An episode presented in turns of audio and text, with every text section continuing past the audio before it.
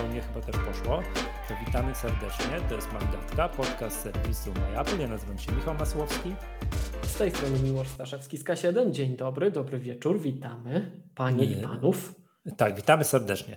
E, mieliśmy strasznie długie premarket, ja już zdążyłem zachrypnąć, ale no dobrze, tak, zapraszamy tutaj serdecznie, żeby przyłączyć się do naszego klubu Magatki i sobie nawet, nie że na żywo, ale do na żywo oczywiście zachęcamy, bo czat to jest złoto tutaj, ale z odtworzenia sobie pooglądać.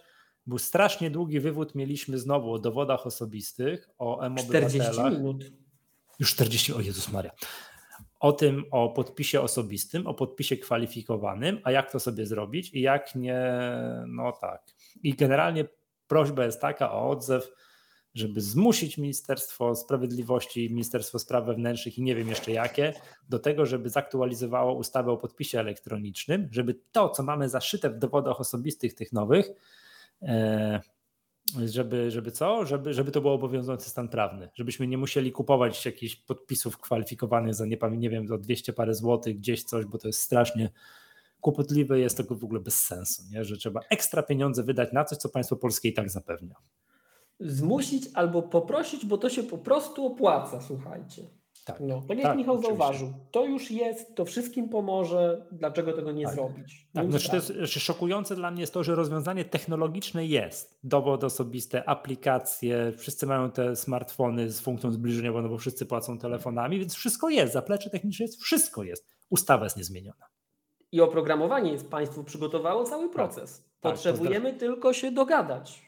Tak, tak, tak. Że to, to, no wiesz co, no to jakoś powiem tak, mimo całego narzekania na to, że mamy państwo z dykty kartonu i blachy falistej, tak, są, jest to, to są takie głosy polityków, prawda? No to popatrz, ten e, wyśmiewany M-Obywatel, co to cały weekend nie działał, nie? No to było jakoś tak, że puścili w piątek, idealny dzień na puszczenie dużego update'u. Ale to oczywiście, no, tak. pół, po prostu.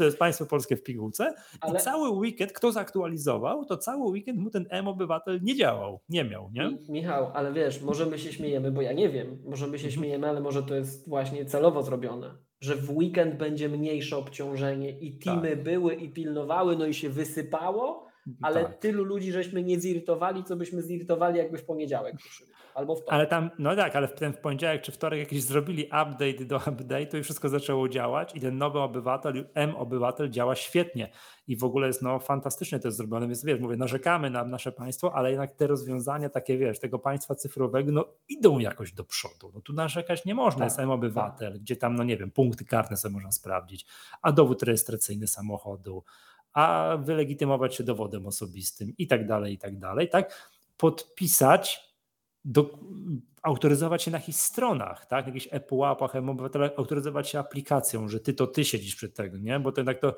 Ja wiem, że Polacy nauczyli się już przez całe lata czegoś takiego, że yy, autoryzowali się na przykład w ePUAP-ie za pomocą aplikacji bankowych już umiemy to robić. Mimo tam, że tam czasami jest, że podpisujesz jakiś dokument, że dwa razy się musisz logować, to jest kompletnie niezrozumiały tak, proces. bo oni cię pytają najpierw o to, czy mogą, a potem o wykonanie właściwej operacji. Tak, a to jest kompletnie niezrozumiały proces. Dla, dla mnie też. Coś dwa razy siadam, klikam to samo, już tak bezwiednie. To, to jest jak z Windowsem Vistą. Tam bardzo łatwo by mnie było oszukać. Gdyby ktoś mi podłożył tak. jakąś stronę i kazał się 3-4 razy tym m-bankiem, ja to mam za banku, logować, autoryzować, to ja to robię już na takim automacie, tak szybko, że jakby mnie ktoś tam, wiesz, pozwól, zabroń, pozwól, jak pozwól, pozwól, pozwól, pozwól, to wiesz, jak Windows Vista klika, klikam już pozwól, pozwól, no i to teraz można za pomocą M-Obywatela się też w coraz większej liczbie serwisów autoryzować, prawda? To metodą. Więc to naprawdę jakoś idzie do przodu. A z tym podpisem elektronicznym to już jest w ogóle granda, znaczy granda, wszystko jest, co powiedzieliśmy sobie. Są nowe dowody osobiste i to od lat. W tych dowodach osobistych jest zaszyty podpis osobisty. Jest oprogramowanie na smartfony. które na zrobiliśmy. Tak, które zrobiliśmy. Polska Wytwórnia Papierów jest. Wartościowych zrobiła. EDO, Gwie... tak? Aplikacja EDO. No tak. Fajnie, działa jak talala. Wszystko jest bardzo ładnie. Wszystko jest. Ustawa niezmieniona. No dobra.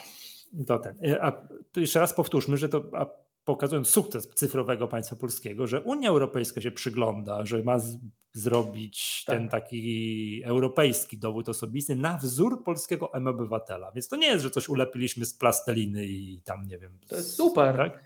To daliśmy radę. bardzo fajnie. No tylko, że brakuje nam jeszcze tutaj paru, paru drobiazgów. Zwracam uwagę, że z M-obywatelem za granicą się nie posłużymy, więc jak ktoś jedzie za granicę, to jednak żeby sobie wziął fizyczny, plastikowy dowód. Michał, ale to zachęćmy teraz, wiesz, bo tutaj tak żeśmy trochę podpowiadali, że warto, trochę kija, a teraz trochę marchewki. Jeszcze raz, drodzy słuchacze i słuchaczki, no. jeszcze raz powtórzmy to, co Michał powiedział. Wszystko już jest. Wystarczy zmienić ustawę. U nas to można zrobić dosłownie overnight. I jaki sukces! Jaki sukces można odtrąbić, że jesteśmy pierwszym państwem w Europie, a, a właśnie, światowym liderem. Mhm. mhm. Nie trzeba autostrady niedokończonej otwierać. Nie trzeba czołgów modernizować płytko, udając, że to coś tam się dzieje, a my tylko piaskujemy te stare T-72 i radio wmontowujemy. No przecież jest! Przecież jest, oczywiście. Jest. Jest. W pierwszej chwili chciałem wyrazić wątpliwość, że się nie uda, bo za chwilę są wybory i rząd jest zajęty, nie wiem, zmianą 500 plus na 800 plus, prawda? Więc myślałem, że mają inne rzeczy, żeby tutaj kiełbasę wyborczą rozdawać. A z drugiej strony sobie pomyślałem, może to jest ta szansa Przecież tak, zrobiliby to, ogłosili i tydzień przed wyborami, bo ogłosili, patrzcie, co zrobiliśmy. Ale problem, wiesz, jest, jeszcze... problem jest taki, że to, o czym mówimy, to jest strasznie niezrozumiała sprawa. To się jakaś grupa technologicznych maniaków domaga. Michał, ale to nieważne. Nie? To nieważne. Powie się, że jesteśmy pierwsi w Europie. Pierwsi na świecie. Hmm który ma... To kontekst europejski. Poczujemy się liderem, poczujemy znaczy, się zachodem, bo my, znaczy my się ja często nie... nie... czujemy zachodem. Poczujemy wiem, się zachodem, Michał. Nie wiem, czy tak jest, czy jesteśmy. To ja sobie nie dam ręki uciąć, czy się Estończycy, czy coś takiego nie mają takich rzeczy, wiesz, bo oni no są to, jeszcze bardziej. To powiemy, nie? że w pierwszej trójce. No, okay. To też no będzie więc... dobrze, wiesz, że w końcu coś tak. w Europie. A potem jeszcze powiemy, że my tu tacy liderzy i się na nas wzorują i nam nie chcą jakichś środków tu oddać. O, to też jeszcze będzie, jak chcemy, nawet tam kamień można wykorzystać, stworzyć, rzucić. No, to mhm. jest duży, duży potencjał jest, myślę, tej tak, sytuacji. No, tak, więc może właśnie może właśnie przed wyborami, a i załatwcie coś tam, coś tam, że wiesz, zrobią, bo, bo a nuż, Neutralne prawda? dla budżetu państwa, chciałem powiedzieć. Wystarczy no, podpis. Tak, tak. Tak. Nawet można się doszukać pewnych oszczędności. Nie, no bo zobacz, jakby to obrót gospodarczy przyspieszyło. No bo część tak. osób, które tam no, pracuje tak, że musi wymieniać się jakimiś dokumentami, to sobie tam, wiesz, przewraca oczami i robi sobie ten podpis elektroniczny, nie? Ja podpowiadam, że można sobie to w dowodzie osobistym zaszyć, tak? Że właśnie, jest taka możliwość. Właśnie. Tak? tak? powiedzmy to, bo to było i to dla mnie też było szokujące i super. Ja to Michał mówiłem za 10 Tak, Michał o tym wspominał, ale jak gdzieś phased out, słuchajcie, że w tym w tym, do, to powiedzmy to jeszcze raz, w tym dowodzie są dwa sloty, jak to Michał mówi, i w hmm. jeden nam wgrywają w urzędzie wojewódzkim w momencie odbioru dokumentu podpis osobisty. Ten, który apelujemy jeszcze raz, żeby go uczynić równym podpisowi kwalifikowanemu, ale póki tego nie ma, czyli jeszcze powiedzmy, jak nas słuchają ważni namiestnicy, to, to jest jeden ruch. Overnight, słuchajcie, sukces i to a tak do młodzieży przemawiacie. Nie trzeba oddawać tej młodzieży tej trzeciej opcji. Po prostu można sukces i można powiedzieć, że tamci nie dowieźli, a my dowieźli. Tak. Tak, no, tak. Idealnie. No, I jeszcze no. europejski, taki wiecie, nowoczesny, młodzieżowy elektorat tu dopieścić. To, nie, jak aż można prosi. na to się nie zdecydować? Aż cię jak prosi. można się nie zdecydować? Przecież to jest sabotaż. Tak, tak. Nie, to jest niesamowite, że... Musimy no. ten odcinek komuś ważnemu na Twitterze podlinkować. Mhm. Tak, na Eksie.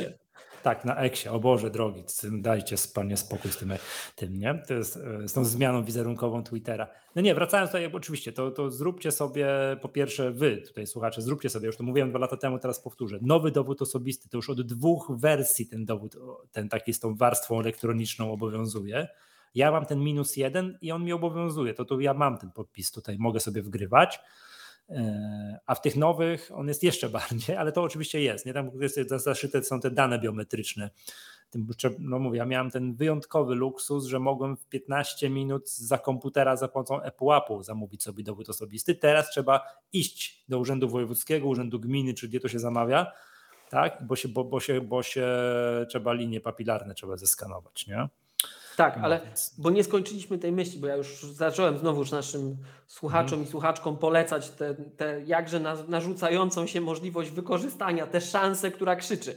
Ale wracając, w tym dowodzie osobistym macie dwa sloty. Jeden jest na podpis osobisty, które państwo już zrobiło, tylko nie usankcjonowało e, ustawą. Więc póki nie usankcjonowało, więc być może, jeżeli siła oddziaływania Maggatki jest tak duża, a aż się prosi o wykorzystanie przed wyborami, to być może bardzo szybko się przeterminuje ta rada i wszyscy sobie tego życzmy, ale dopóki jest tak, jak jest, bez sensu i drogo i bez tego sukcesu, który tu Wam dajemy za darmo na tacy, to drodzy słuchacze, musimy e, sobie, jak kupicie sobie taki kwalifikowany podpis, można go wyrobić w odpowiedniej formie i wgrać do tego dowodu. I wówczas można używać apki EDO do podpisywania tak. dokumentów tym kwalifikowanym podpisem albo podpisem osobistym. I tutaj jeszcze jeden drobny apel do Państwowej Wytwórni Papierów Wartościowych, twórcy aplikacji EDO. Może chociaż ci nas wysłuchają, albo wszyscy nas mhm. wysłuchają żeby, Michał podpowiada, że tam można podpisywać pliki PDF z ograniczeniem do 5 mega. Tak nie wiem z czego wynika to ograniczenie. Być może warto by było przesunąć limit, ale jeśli już nawet się nie da przesunąć limitu, to słuchajcie, być może da się chociaż document picker dodać do tej aplikacji, żebyśmy mogli podpisywać innego rodzaju pliki. Znaczy nie tam jest PDF. document picker, jak to ładnie nazwałeś, ale on pozwala wybrać tylko pliki PDF. A, no to właśnie. No bo tak się to, to wgrywa, nie? Tam jest podpis mhm. dokument, pstryk, otwiera się document picker i wybierasz sobie w aplikacji Files wybierasz sobie no tak dokumenty, tak, na przykład, które masz na biurku zapisane, tak, no oczywiście to się wszystko sobie pięknie synchronizuje, pyk, wybierasz sobie i no i, no i, no i to działa, tak? No ja, to, to ja jeszcze mam, przepraszam, że jako wiesz, zaawansowany użytkownik EDO, to jeszcze mam taki, taki jeden y, input. Power tip. Power tip, no bo tam w ogóle musisz na przykład, wiesz, w, tym, w, tej, w tej aplikacji jest, ten, jest tylko na dowodzie osobistym tak zwany numer CAN, nie wiem co to CAN, nie wiem co to za numer, no ale on jest, ja mam tam jakiś numer, muszę, musiałem go tu podać i później masz za każdym razem użycie, jest taki osobisty PIN, bodajże ośmiocyfrowy wpisać i za mm. każdym razem musisz go Czyli wpisać. lepiej niż na iPhone'ie domyślny. Mm. Tak, i musisz go za każdym razem wpisać i to jest PIN, który ustanawiasz w momencie, jak sobie wyrabiasz ten chyba dowód osobisty tak mi się wydaje, że tam jak sobie odbierasz go z tego urzędu miasta gminy, to wtedy mm, i tam jest, no klawiaturka jest taka normalnie taka iPhone'owa klawiaturka do wyboru numerów. Mm, przydałby się ten takie, jak klikam numerek, one mi się tak, takie gwiazdki pojawiają w kolejnych polach, więc ja wiem, że klikam, ale jakby to powiedzieć, taki zwrot, ten taki haptic feedback, feedback. mi się przydał mhm. za każdym razem, jak klikam jakiś numerek, że mam je pyk, pyk, pyk, tak. pyk, że ja wiem, że kliknąłem, tego nie ma. Mam takie, wiesz, takie, takie, takie ja muszę bardzo uważać, żeby jak to wklikuję, jak tego nie ma przy wpisywaniu numerów, jakiegoś pinu, no to to jest takie mylące, nie? Toś tam jeden drobiażdżyk by się przydał, to, to jeszcze, przyjemniej, jeszcze przyjemniej tego, te, te, to, to, tego. To jak my już mamy tutaj taki koncert życzeń i tak różne ważne instytucje prosimy o różne nasuwające się, narzucające się mhm. rozwiązania, to ja chciałbym taki drobny apel do M-Banku. O. Błagam was, błagam was, zlitujcie się na Apple Watchu pozwólcie mi akceptować te operacje. No przecież to mm, krzyczy, błagam. Typu, że jak robisz przelew... Przelew to na Apple Watchu. Tak, rozumiem, że pojawia się, czekaj, pojawia się mm, pojawia się powiadomienie, że nowa operacja do zatwierdzenia. Operacji. Tak, Ty tak. podnosisz tak. telefon, musisz popatrzeć Face ID, kliknąć, potwierdzić, no tam przelew, coś tam. Tak, a tutaj pyk. No, Aha, żeby on się dublował tu, pyk, pyk, jak on będzie wiedział, że ty to ty? A nie, no będzie wiedział przez Przecież zegarek. Jest, masz, jestem, tak, zegarek, jestem zalogowany, tak. tak skoro tak, jest, tak, przepraszam, skoro pozwalają mi płacić za pomocą Apple Pay'a zegarkiem, no to mogę, tak, tak bardzo Tam słusznie. jest Secure Enclave, to się Secure. musi dać zrobić. Tak, tak. Błagam, błagam. Jeszcze raz, skoro Apple pozwala mi płacić zegarkiem, robiąc w sklepie pyk, pyk i żadnych kodów nie muszę na tym zegarku klikać, tylko tak, cyk, to znaczy, że to znaczy, że to powinno się dać zrobić. Nie? Tutaj... To ja, o, to ja też chętnie. Jak tylko skończymy nagrywać albo coś tam, wypuścimy ten odcinek e, w świat, to tweetniemy. Ty, niesamowity tip, pro power tip. Uwaga, Gabriel pisze na czacie. Po to jest właśnie ten czat. Dziękujemy Klubowiczu, że yy, o ile pamiętam w IPKO się da. O, to by trzeba było o. sprawdzić, bo to był jest, bo to, bo to wiesz, Polska jest krajem naśladowników. Jak ktoś coś ma, to drugi też chce to mieć. Jak ktoś pierwszy ma wprowadzić, to ola Boga, przecież nikt tego nie używa, nie? Wiesz, Błagamy was, naśladujcie. Błagamy. Tak. To sprawdzimy. To znaczy nie sprawdzimy, będziemy pytali, bo, bo ja nie mam konta w PKO, więc trzeba by sprawdzać i tak dalej, ale to jeżeli ktoś tak ma, to znaczy, że to działa, jest i to się w ogóle da, że wiesz, jakieś tam, bo zakładam, że do tego, że do takiego rozwiązania jakieś działy compliance banku będą musiały 10 stron regulaminu dopisać, że to jest tam zgodne ze wszystkim, nie? Kochany Trudno, dziale, piszcie. Ko, kochany dziale compliance banku. Do roboty. Bardzo, bardzo prosimy. Do roboty, tak, tak. No niby tego dużo tam nie ten, ale wiadomo, no to, to trzeba tam regularnie coś tam, tak, wiem o co chodzi. Oczywiście, że tak. No to tak tyle rzeczy finansowych, znaczy nie tych finansowych, te takie właśnie uzupełnienia odsyłamy wszystkich do części premarket, znaczy wszystkich klubowiczów do części premarket, gdzie omówiliśmy to, gdzie, tak, gdzie omówiliśmy to dużo, dużo, dużo, dużo szerzej. I tak jak miłość, jak jesteśmy przy finansach, to jednym z tematów, które dzisiaj chciałbym, żebyśmy poruszyli, to jest temat ostatnich wyników finansowych, bo ponieważ Apple, co dzisiaj jest, jaki nie, poniedziałek, tak? Poniedziałek siódmego, tak. to w czwartek ostatni Apple miało wyniki finansowe za trzeci kwartał, czyli tam za drugi kwartał roku kalendarzowego, czyli tam e, kwiecień, maj, czerwiec. I one są, to, to powiedzmy dwa słowa, bo to jest zawsze bardzo fajny fragment. Czy ja spróbuję udostępnić jakiegoś tutaj, czekaj, hmm, share screen i czy ja mogę już zdążyć kompletnie? Tak, mogę wszystko. Widzimy? Taka Widzimy? kiedyś była. Zespołu LO27. Mogę to wszystko, do, tak? Tak, to do części kącika kulturalnego. Dobrze, dobrze, dobrze. Yy, Okej. Okay. Yy, no i mamy te wyniki finansowe i one są, powiedziałbym, na, to tutaj na trójkę z małym plusem, tak? Ten plusik to jest za fragment usługi, tak? Bo to jest ten fragment, który po prostu frunie, one są niesamowite, ale wszystkie główne linie produktowe Apple'a, czyli iPhone, e, iPad i Mac, znaczy wszystkie trzy główne, jeden z tych głównych, trzy takie produktowe, tam gdzie fizyczne produkty kładziemy na stół i sprzedajemy i każemy, każemy. I zachęcamy do klientów do kupowania w Maggatce o, właśnie. komputerów w szczególności. Ja tu dzisiaj dlatego się tak. spóźniłem, bo wysyłki robiłem. A właśnie. Tak, dostajecie od nas tam, tak? Dostajecie od nas komputer, znaczy nie dostajecie, kupujecie od nas komputer i kubeczek Właśnie. Do, do, tego. Kubeczek, kubeczek dostajecie, komputer kubeczek kupujecie. dostajecie, tak.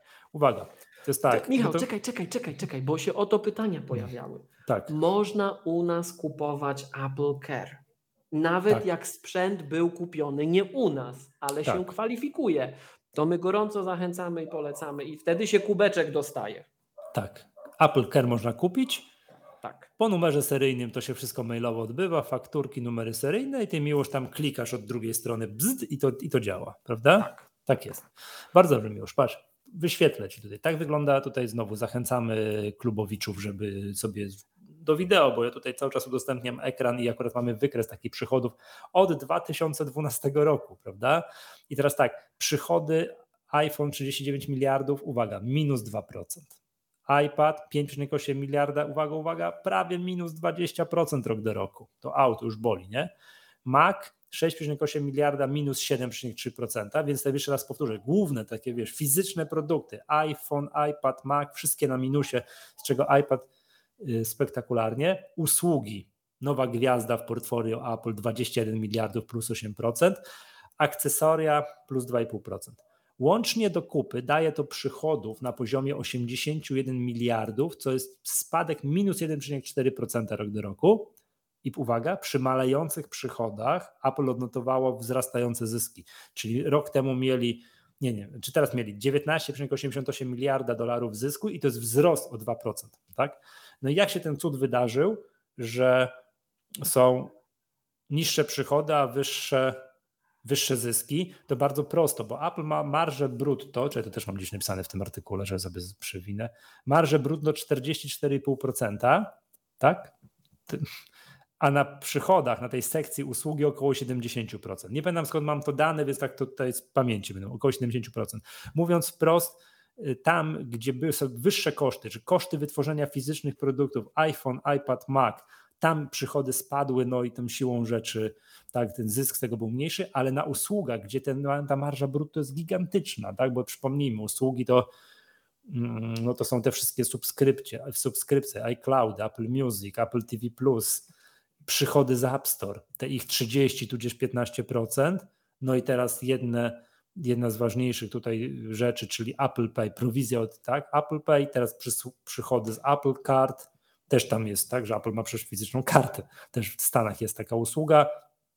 Wszystkie takie, takie, takie, tak, takie rzeczy, plus wszystkie subskrypcje, które przychodzą przez App Store. Więc jak ktoś subskrybuje sobie Ivory, taki klient Mastodona, tak, od Tabbots, tak, subskrybuje sobie, to przechodzi to przez App Store, no i oni tam, no nigdy nie wiem, kiedy jest 30, a kiedy 15%. Więksi mają, po przekroczeniu, jak to jest miłość, więksi po przekroczeniu jakiegoś tam pułapu przychodów, tak? Albo jest, po roku. Albo po roku, tak? No, 30 lub 15%. I to też jest, to też wszystko jest wliczane do usług, tak? To tam ich marża brutto to jest, to jest 70%, tak? mówiąc wprost, z każdego przychodu dolara oni mają 70 centów na czysto, tak w dużym, no, bardzo dużym, dużym uproszczeniu. Akcesoria minimalnie na plusie, czyli akcesoria tam, gdzie są no, głównie Apple Watch i AirPods, to jest główna składowa akcesoriów. Tam oczywiście są wszystkie homepody, kabelki, przejściówki i tak dalej, i tak dalej, prawda? No ale to jest tam 8 miliardów plus 2,5%. No i, to jest, no i tak to właśnie działa, tak? Jest przychody do, w dół, zysk delikatnie do góry i teraz no, to są wyniki, na które no, giełda w Stanach zareagowała zareagowała negatywnie. Apple, tak, tak wygląda kurs Apple'a tutaj przez ostatnie, przez ostatnie parę dni. Tak? Żeby była jasność, ten poziom tutaj w okolicach 190 dolarów, no to to jest tam po 190 parę, niecałe 200, to jest historyczny maks. Tak? Apple nie wiem, czy teraz jest warte 3 biliony, było niedawno nie, jest 2,81. W tym szczycie tutaj, pod koniec listopada, Apple było warte 3 biliony dolarów. Tak?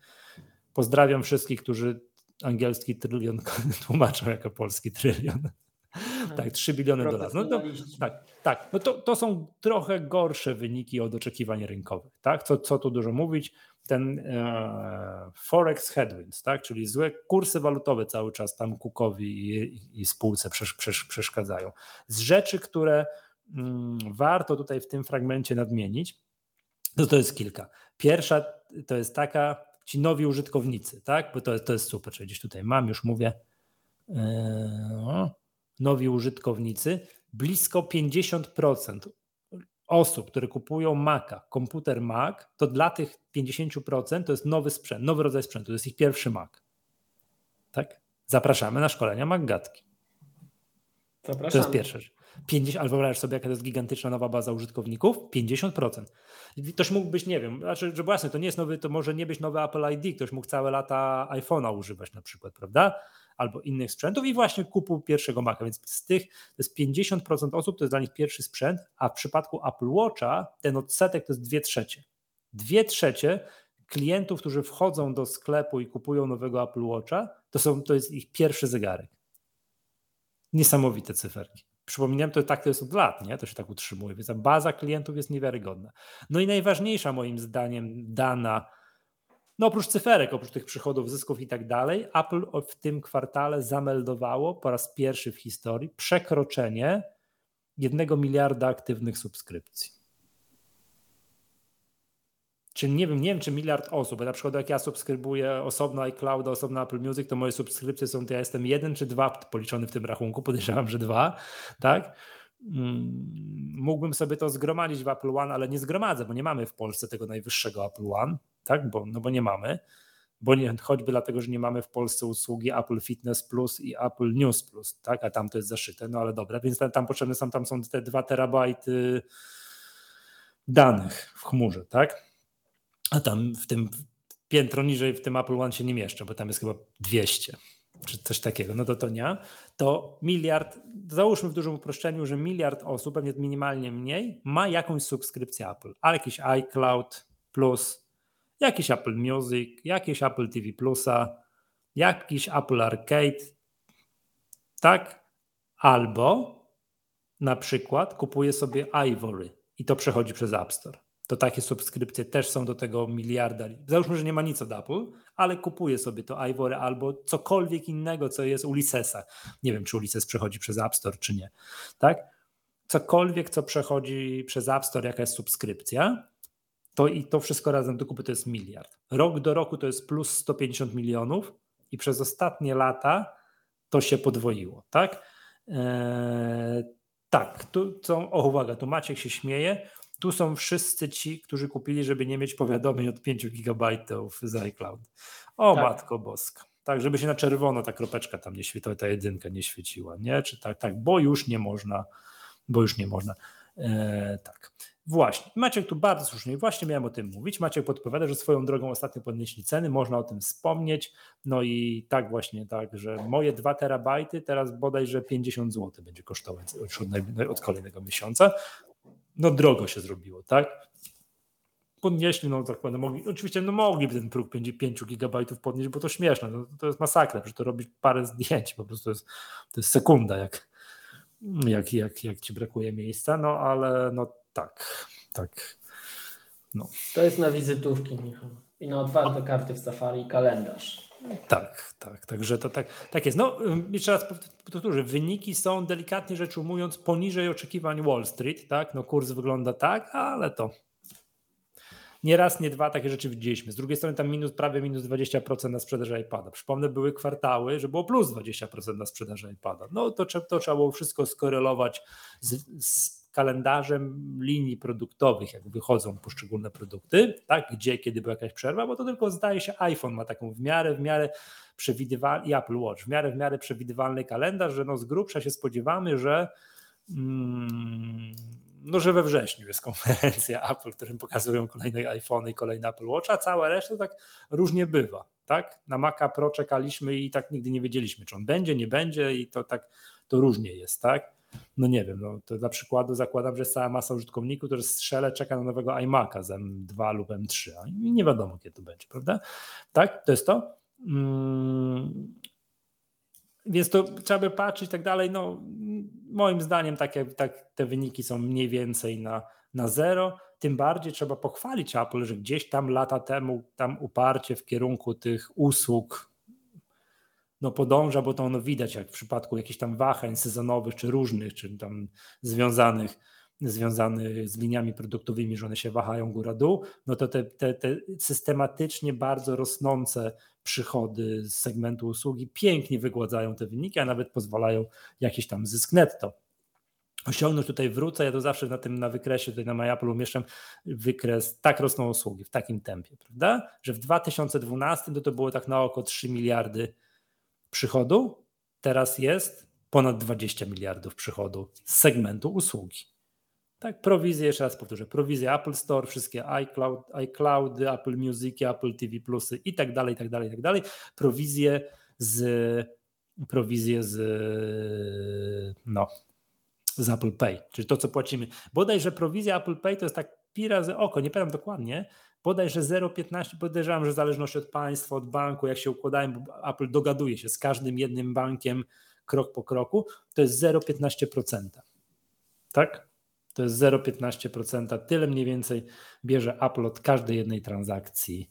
No ale tam kupujemy coś, a w Biedronce, a paliwo, a jacht za pomocą Apple Pay. Od każdego jachtu Apple 0,15%. Nie? No. No tak. A i jeszcze jedna fajna rzecz. To a propos tego, jak zmienia się świat, gdzie są banki czasami ze swoimi rozwiązaniami, jak, jak patrzymy, nie? że ty się domagasz mm. miło, żeby tutaj coś było Apple Watchem, jak banki się rozwijają i tak dalej. I pamiętasz, no kilkukrotnie w Magdace chwaliliśmy polską bankowość, tak co do zasady, jak to działa, że my raczej to jesteśmy do przodu niż do tyłu, prawda? Tylko jeszcze na tego Apple Watcha no. te powiadomienia M-Banku drogi. Tak, ale co do zasady, no nie wiem, no ja mam doświadczenie z M-Bankiem, tak, no tutaj tam może sobie narzekać, lubić, nie lubić, ale no tam ja co do aplikacji, sposobu działania M-Banku i tak dalej, no to, no nie, no to jest okej, okay. mam fajną, nowoczesną aplikację i tak dalej, no wiesz, no jak sobie pomyślę, że kiedyś chodziło się 20 lat temu do banku, fizycznie przelew się na karteczce wypisywało, dzisiaj z nudów oglądając serial w telewizji, jak miłość, można kliknąć i przelew zrobić, nie wiem, zapłacić za ten prąd, czy tam, nie wiem, tak? Zgadza się? Czy wysłać tak. stówę na, kolejną stówę na Finaxa?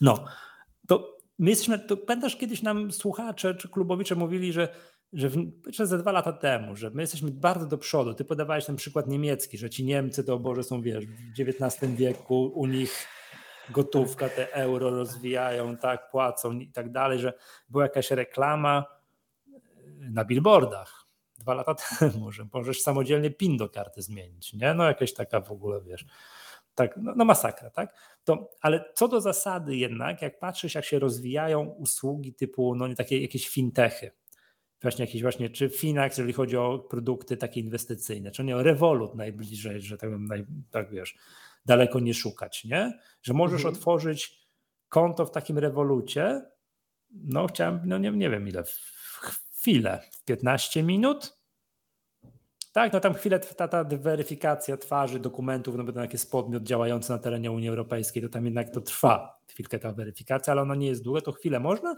i zaraz możesz wymienić walutę, nie wiem, wirtualna karta, już nawet w ogóle kiedyś jeszcze było tak, że w tym rewolucie gdzieś się klikało, oni ci przysłali kartę do domu i coś tam. No dzisiaj w ogóle to jest płatne, już nie wysyłają za darmo kart do domu, ale nie ma takiej potrzeby, bo natychmiast się karta może do Apple Pay dodać na telefonie i możesz iść nią od momentu założenia konta, no nie wiem, za 10 minut zejść do sklepiku pod blokiem i tego batonika sobie kupić za pomocą Revoluta, prawda? Nie ma z tym problemu. Tak. Te fintechy, różnego rodzaju tego typu właśnie jakieś właśnie Finax, Revolut, coś tam i tak dalej, to widać, że one są krok do przodu w porównaniu z jakąś tradycyjną bankowością. Tak? To czasami mm. jest aż za łatwe.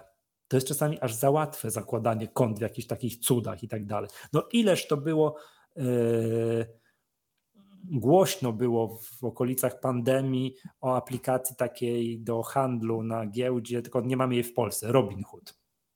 Była taka, jest taka, jest taka aplikacja, że darmowe handlowanie na giełdzie za pomocą Robinhooda i tam, tam mnóstwo ludzi, bo eksplozja popularności i tak dalej. Wiesz, siedzisz tu, kolorowa aplikacyjka, zielone kupuj, czerwone sprzedaj, nie? To jest łatwe, proste i przyjemne. To idzie błyskawicznie. To dzisiaj, jak się na przykład a propos handlu na giełdzie, dzisiaj młodzi ludzie, jak ich zapytasz, gdzie mają jakieś akcje, jakieś instrumenty finansowe, to ja odpowiadam, że w jakimś domu maklerskim, a oni mają w aplikacji. W tak. aplikacji. I teraz, wpisując się w ten trend, w Polsce niestety nie, ale w Stanach jest ta usługa Apple Card. Oni są troszeczkę bardziej do tyłu, jeżeli chodzi o te wszystkie płatności zbliżeniowe. Bo pamiętasz, jak Cook chwalił się na którymś keynote, to już lata temu było, w którym była Polska wymieniona. Drugie keynote. miejsce globalnie. Drugie chyba my, my i Australia byliśmy wymienieni. Tak, jako, tak. że mamy ten procent punktów, gdzie można zapłacić za pomocą Apple Pay, to było 98%. W Polsce to jest równoznaczne z możliwością płatności zbliżeniowych. No gdzie nie można zapłacić za pomocą Apple Pay, że gotówką? No to ja nie wiem gdzie. Tak normalnie, w legalnym punkcie. Chyba, że kupujesz jajka od gospodyni na wsi, no to tam u niej nie zapłacisz. Nawet tak? tutaj ja mam takiego pana przy tym, co takie tak. jajka i borówki z lasu, inne takie. Tak. I on, on wiedział, tak. że musi kartę, ma to oznakowane, że kartą. Tak, ja nie wiem czasem miłość, czy teraz w 2023, to prosilibyśmy słuchaczy o informację, że tak jest, czy czasem prawo nie weszło, że jak prowadzisz punkt sprzedaży, to musisz mieć możliwość płacenia kartą, że nie możesz nie przyjąć płatności kartą. Nie wiem, czy takie, takie prawo nie weszło w Polsce. Tak? Wręcz. To tak. Wydaje mi się, że nie, ale no nie wiem. To teraz coś mogę bredzić, więc jeżeli tak nie jest, to mnie proszę, to mnie proszę wyprostujcie. I właśnie, bo zrobiłem strasznie jak w twoim stylu, dygresy do dygresji do dygresji, o tym, że tutaj rozpłynąłem się a nad polskim systemem bankowym, a nad tym, że fintechy przeganiają banki. W Polsce to nie jest aż tak widoczne, bo my mamy tę system bankowość elektroniczną, aplikacje bardzo rozwinięte, ale na zachodzie zdecydowanie bardziej. Będę jeszcze raz wrócę. Cook chwalił Polskę i Australię wtedy, a w Stanach oni mają jakoś, to jest tak chore, że musi, musi, muszą się dogadywać per sklepy, per sieć sklepów. Że, a, żeby móc zapłacić Apple Payem w Starbucksie, to muszą się dogadać, uwaga, ze Starbucksem. No już dogadali się oczywiście, ale przykładowo podaję, nie? Jak chcą zapłacić jakimś tam, nie wiem, w McDonaldzie, muszą dogadać się z McDonaldem. No tak to chore to jest, nie? I tak po kolei. U nas w Polsce dogadujesz się z tymi, co ci terminale dostarczają. Tak, no tam nie wiem, jak się to organizacja, nie, to jest nieistotne, nie? Z tym, ale że to wszędzie jest, to wszędzie, to, to już nikogo nie dziwi. Jakby gdzieś nie można było zapłacić kartą zbliżeniową, to bym zrobił takie oczy. Nie tweetnąłbym zaraz, że znalazłem ten ostatni punkt w Polsce, że nie można, nie? No. I teraz. Mm, I teraz tak. W ten trend zmiany tego wpisuje się usługa Apple Card i uwaga, w Stanach to jest, czekajcie, ja to w ogóle gdzieś znajdę, bo jestem na amerykańskiej stronie i mogę tego, tego nie znaleźć i oni mają usługę, tam jest, yy, wiesz, tam jest fizyczna karta, nie? Możesz sobie dodać i tam jest, yy, mają teraz nową usługę Apple Saving Account. tak? która uwaga, w dzisiejszych czasach, oni we współpracy z Goldman Sachsem to zrobili, tak? no bo Apple bankiem co do zasady nie jest, nie? Mhm.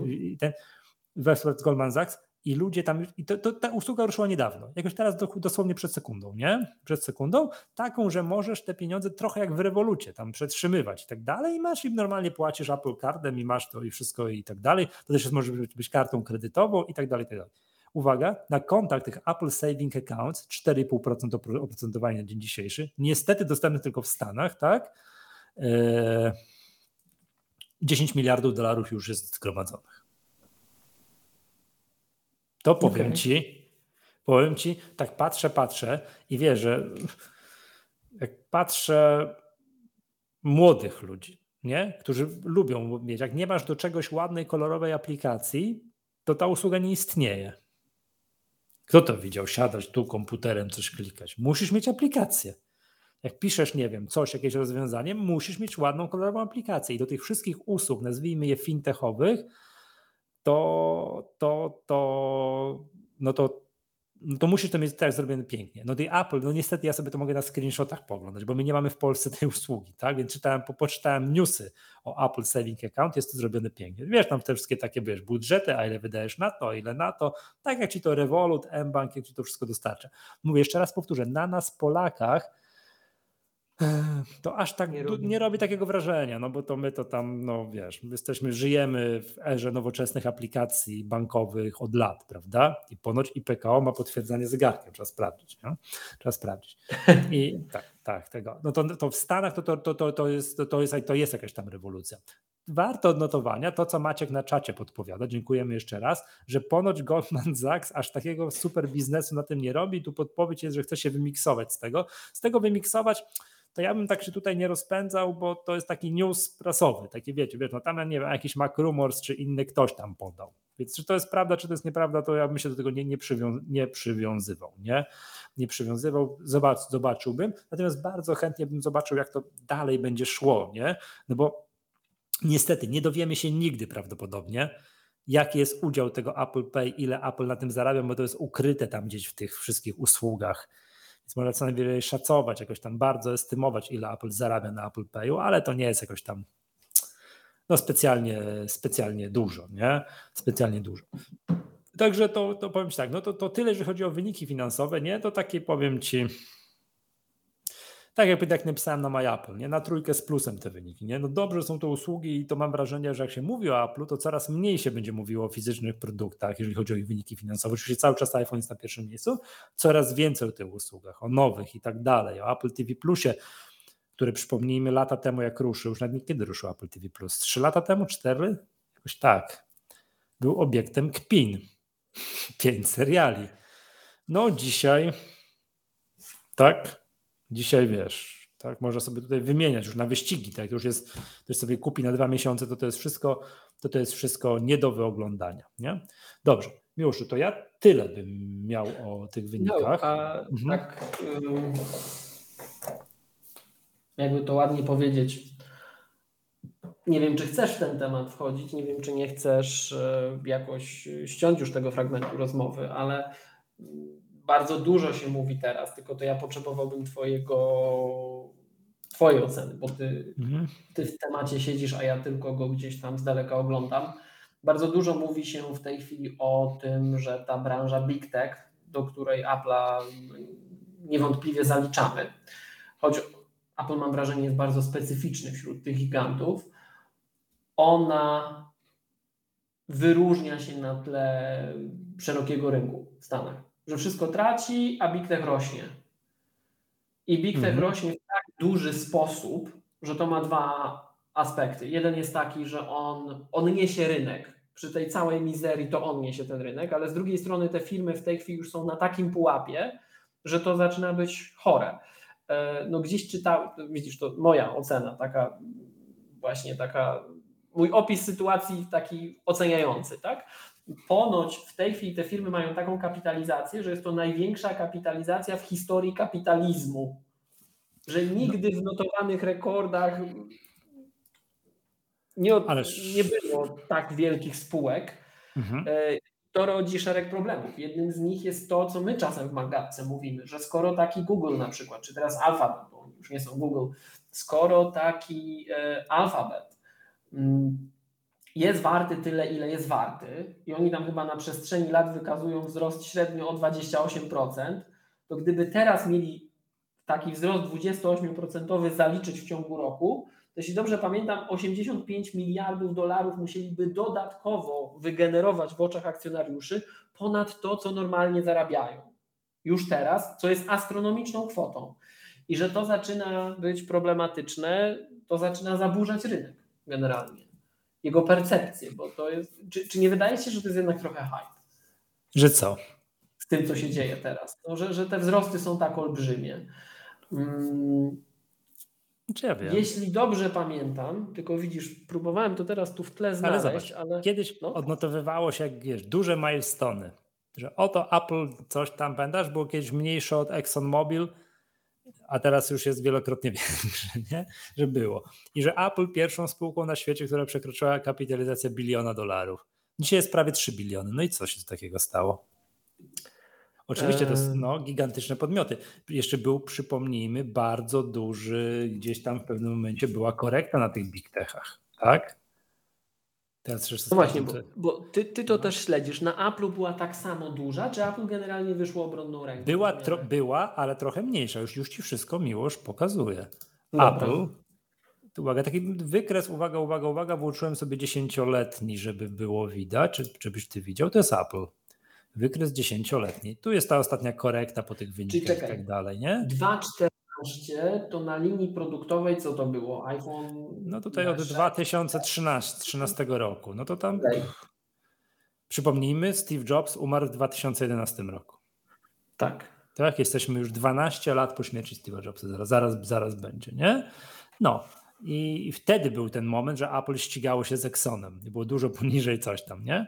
No, teraz teraz Apple prawie 2,8 biliona dolarów, tak? To jest Apple. I jak widać, ta korekta w latach mniej więcej 2022, no tym kryzysie, no wiesz, no kryzys co do zasady taki ogólnoświatowy mówi się o nim, że on jest, prawda? Że on jest, to jest to plus ta inflacja. W sensie, że on jest, czy on nadejdzie? Nie, cały czas jest, nie? Cały on czas jest. mamy, cały czas mamy, no plus inflacja ogólnoświatowa wywołana A pandemią, B wojną, tak, Rosja-Ukraina. W Polsce oczywiście ten, mamy o wiele, wiele większą inflację niż chociażby w Europie Zachodniej. W Stanach ona jest też jeszcze w ulicach, tam też oczywiście jest jednoprocentowa. No to jest Apple, To nie? wynika z tego, że mamy swoją walutę, która nie jest tak stabilna. Jesteśmy no wynika z bardzo wielu rzeczy. Moglibyśmy sobie teraz tak. nawymieniać, z czego wynika, nie wiem, z nieprawidłowej, błędnej polityki banku centralnego, ale to nie idźmy w tematy Myśl, polityczne. Myślisz, że aż tak?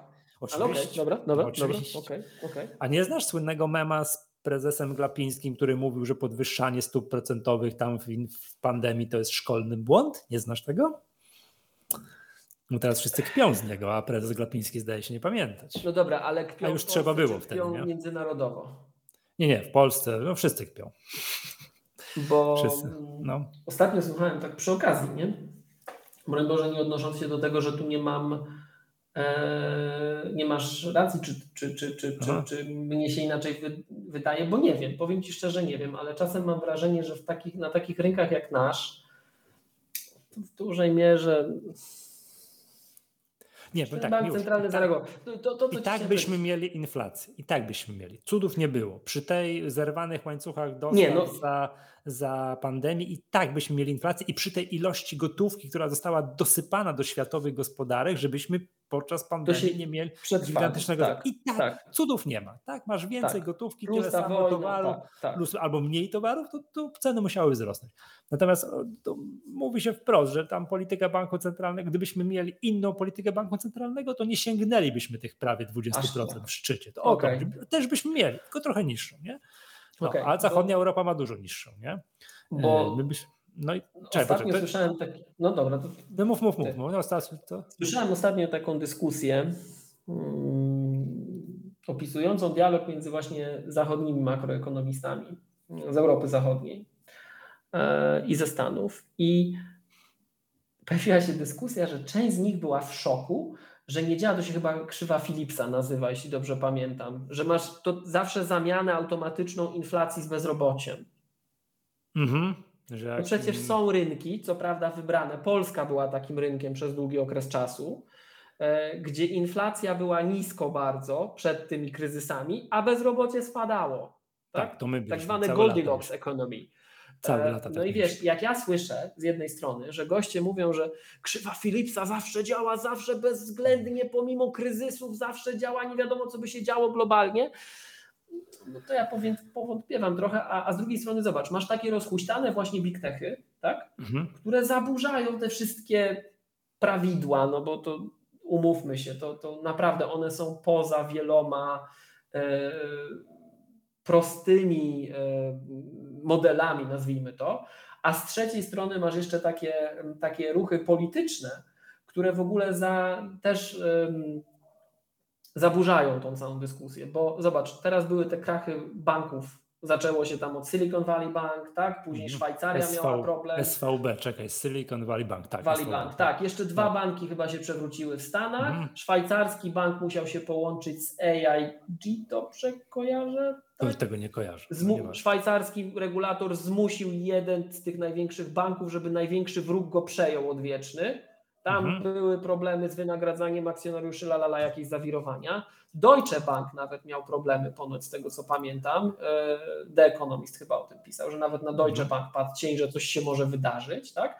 Ale nasi regulatorzy są już mądrzejsi trochę o te wydarzenia z poprzedniego okresu, e, no i zaczęli regulować. E, tak, zaczęli działać, zaczęli podejmować akcje ratunkowe, co niektórzy dzisiaj mówią, że E, doprowadziło do sytuacji, że nawet średniej wielkości banki są za małe, żeby upaść. Na tym rynku amerykańskim to pokazano. Tak? Co zaczyna być znowuż niebezpieczne i się dochodzi do wniosku, że regulator, że nie ma dobrej odpowiedzi na odwieczny problem.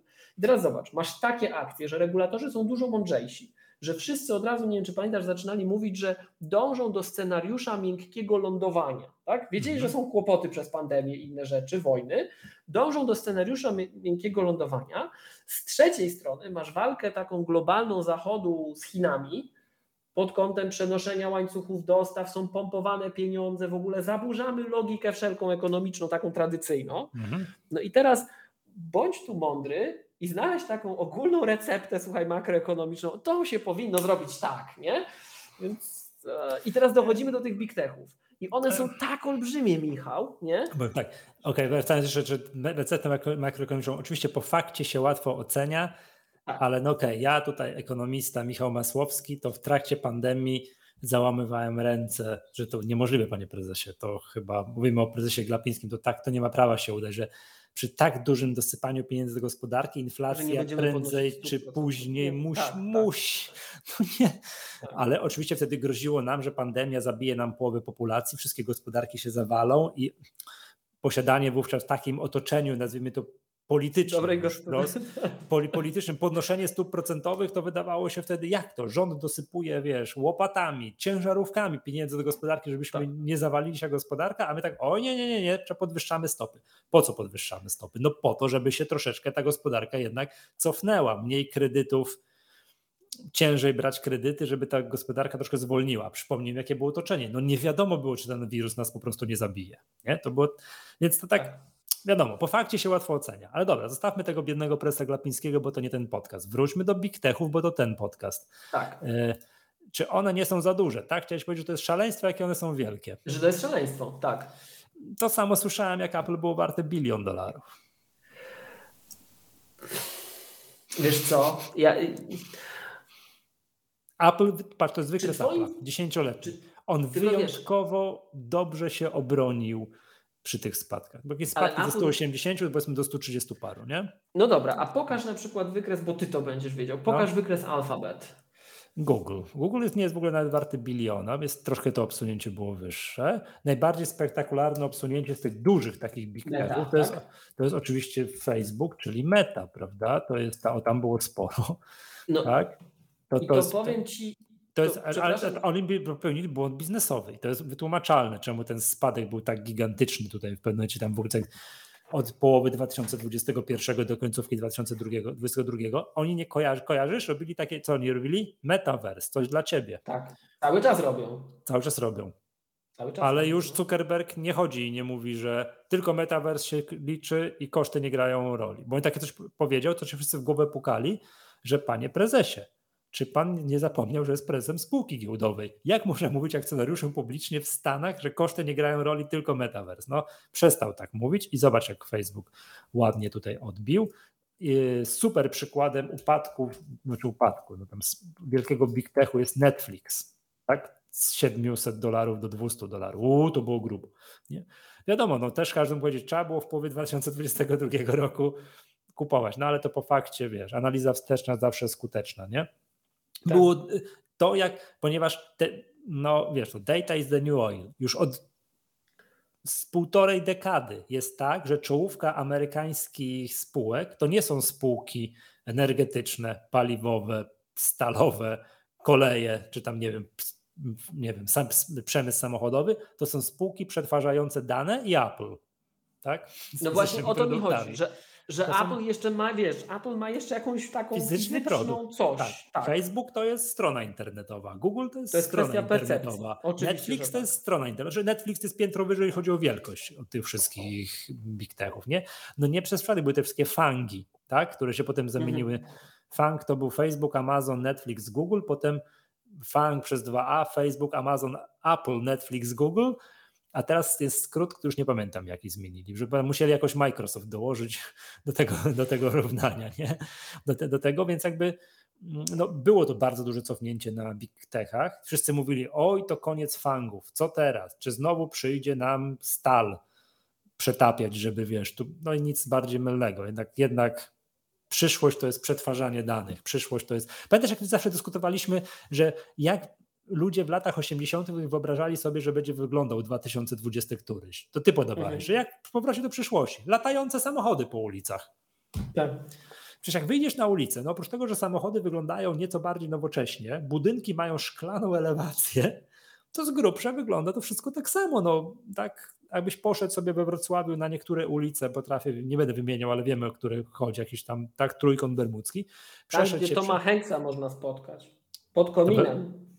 No, to yy, o Maciek, przepraszam, to jest skrót, GAFAM, tak, to jest Google, Amazon, Facebook, Apple i Microsoft. Teraz jest taki, co było GAFA, a potem zrobili GAFAM, tak, takie coś było, tak, GAFAM, tak. Yy, to, to z grubsza wygląda tak samo. Gdzie się odbył największy postęp ludzkości przez ostatnie, te powiedzmy 20-20 parę lat?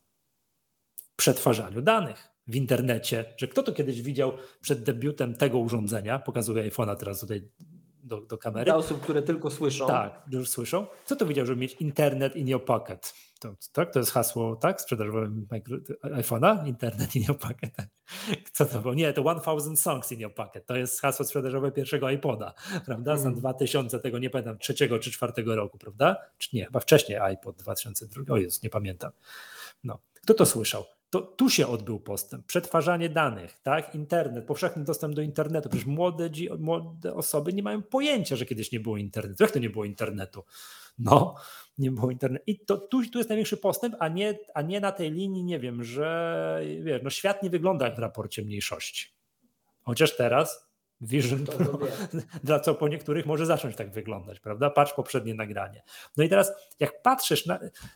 Odpowiedź pytanie jest mi już takie, gdzie by, co będzie driverem wzrostu, jak o to co pytasz, czy big techy nie są za duże i czy to nie jest szaleństwo, bo tak cię mhm, zrozumiałem, mm -hmm, mm -hmm, tak, co tak, będzie driverem wzrostu światowej gospodarki przez kolejne 20 lat? Nie wiem, popularne jest teraz, że to jest, czasami się mówi, że jest dwuja z ekonomii, jak, jak jakiś strateg nie wpisze do strategii rozwoju spółki giełdowej słówka sztuczna inteligencja. Teraz wszyscy, nawet ktoś ma, wiesz, tramwaje prowadzi, to teraz już AI musi wpisać, nie? Teraz już wszędzie sztuczna wszyscy inteligencja. Wszyscy od zawsze są sztuczne inteligencji w biznesie, od zawsze. No. Tak, tak, tak. Teraz wszędzie sztuczne. Co będzie driverem wzrostu przez kolejne 20 lat, nie? No i odpowiedzmy sobie na to pytanie. Przetapianie stali, wydobycie ropy naftowej, czy dane, przetwarzanie danych, rozwój systemów operacyjnych na urządzenia mobilne, rozwój usług chmurowych, usługi w sieci. Ja bym postawił raczej na to niż na przetapianie stali i wydobycie ropy naftowej. No i masz, masz miłość odpowiedź na pytanie, czy big techy nie są za duże, nie? To bym powiedział, że nie są, choć oczywiście wcale przez kolejne 20 lat nie muszą to być te big techy, których mamy wykresy wyświetlone, czy tam wiesz, Facebook, Amazon, tak, Apple, Netflix, Google, tak, Microsoft. To wcale nie muszą być te big techy. Równie dobrze za, jak to jest, za 20 lat na świecie największą spółką może być ta, którą studenci dzisiaj zakładają w jakimś garażu w Palo Alto. To tak może być. A co oni będą robili, to nie wiem. To jeszcze to zobaczymy za 20 lat, nie? No, no, no, także tak. O, tu jest bardzo dobra, dobra podpowiedź. Dostarczanie wody pitnej ludziom za 20 lat może być niezłym biznesem na czacie. Bardzo słuszna uwaga. Tak, to też może być fragment, że driverem wzrostu gospodarczego może być ochrona przed zmianami nieodwracalnymi już teraz, tak, zmianami skutków, y, zmianami klimatycznymi, przed skutkami zmian, zmian klimatycznych. No to, to jest niewesoły fragment, nie? No, ja bym jednak postawił na przetwarzanie danych, sztuczną inteligencję, usługi chmurowe, no wszystko to, co obserwowaliśmy przez 20 lat i co teraz obserwujemy. Mało tego, świat zmienia się i zmienia się coraz szybciej. Nie? Z wszystkich kryzysów wychodzimy coraz szybciej. Po jakimkolwiek krachu giełdowym w 1927 roku, z krachu giełdowego, tam z tego szczytu, tam indeks SP 500 kilkanaście lat wychodził na nowe szczyty. Teraz to w ogóle wiesz, kojarzysz, że był na giełdzie coś takiego jak krach covidowy w 2020 roku? No był. To tam 3-4 miesiące, nie? No tak jakbyśmy mogli sobie zaprezentować, bo tak mamy wyświetlony nie ten wykres, nie? Pamiętam, że mówiłeś, żeby kupować. To tu, to tu, patrzmy już, 2020, tak. to tu. I trzeba było słuchać. Tu. Nie, ja nie mówiłem, że ja nigdy nie mówię, żeby kupować. Ja nie wiem, czy trzeba kupować, tak? Ale tak. Inaczej, inaczej, inaczej. Ty mówiłeś, że ciebie cieszy, jak te akcje spadają. Tak, mnie, mnie cieszy, bo wtedy mogę taniej dokupić, tak? tak, yy, ja to tak. Przepraszam, propos, ja tutaj na interpretację nie, wszyscy, wszyscy słuchacze Magatki, nie Magatki, tylko tych szkoleń, tylko repetycji finansowych, tych finansowych wiedzą, że ja tam podaję tak, jeżeli nie będziemy mieli zakrojonej na szeroką skalę wojny atomowej, albo meteoryt w nas nie uderzy taki, co to zabił dinozaury, to w dzisiejszych czasach PKB świata podwaja się ta pi razy oko co 20-20 parę lat. I moim zdaniem będzie przyspieszać, bo jak wszystko przyspiesza, nie? PKB świata się podwaja. Wiesz, jak za czasów, no nie wiem czego, Mieszka pierwszego, to PKB świata się podwajało z zamknę jednego, a co kilkaset lat, nie? Bo, bo taki był postęp technologiczny. Jak rewolucja przemysłowa nadeszła, maszynę parową myśli, to jak przyspieszyliśmy, no dzisiaj to jest obłęd, nie? W jakim tempie podwaja się PKB świata, jak to wszystko zasuwa. No, tak, albo wojna, wojna, globalna wojna nuklearna, to jest zagrożenie, tak, drugie to jest, y, to jest właśnie meteoryt, a trzecie jeszcze może być poważniejsze, to zmiany klimatyczne. Te zmiany klimatyczne mogą być takie, skala ich i może być taka, że nam się nie śni. Jak tutaj coś jakiegoś wybitnie niespodziewanego nie będzie, no to znowu pira za oko za 20 lat podwoimy, podwoimy wartość PKB światowego i będziemy mieli Apple za 6 bilionów dolarów. Albo coś w ten desen, Miłosz. To zapytaj mnie za 20 lat, czy, czy, czy big techy nie są za duże dobra? A ja ci, ja, ja ci, a ja ci odpowiem ja ci powiem, wtedy. Ja ci nie? powiem, no. bo to, ty to czujesz, ja nie. Mhm. Dlatego ja tylko widzę tak z, z, daleka, wiesz, tam obserwując jakiś taki ogólny trend, co się dzieje. Ja tego nie śledzę na bieżąco, ale teraz sobie zadałem trud tutaj w międzyczasie, jak mówiłeś. Mhm. Znalazłem taką wypowiedź. To jest y, jeden z analityków zachodnich i to dlatego mnie się to wydaje kosmiczne, jak tego słucham. E, słuchaj, ja ci tam wspominałem, że Google ma tam wzrost średni 20, alfabet, 28% rok do roku, tak? I to by znaczyło, że w przyszłym roku muszą wyprodukować 85 miliardów ponad to, co zarabiają zwykle a zarabiają już 300 miliardów rocznie. To, co to znaczy zarabiają? E, revenue. Przychodu mają. Przychodu, przychodu przepraszam. Tak, Google, przychodu. czyli?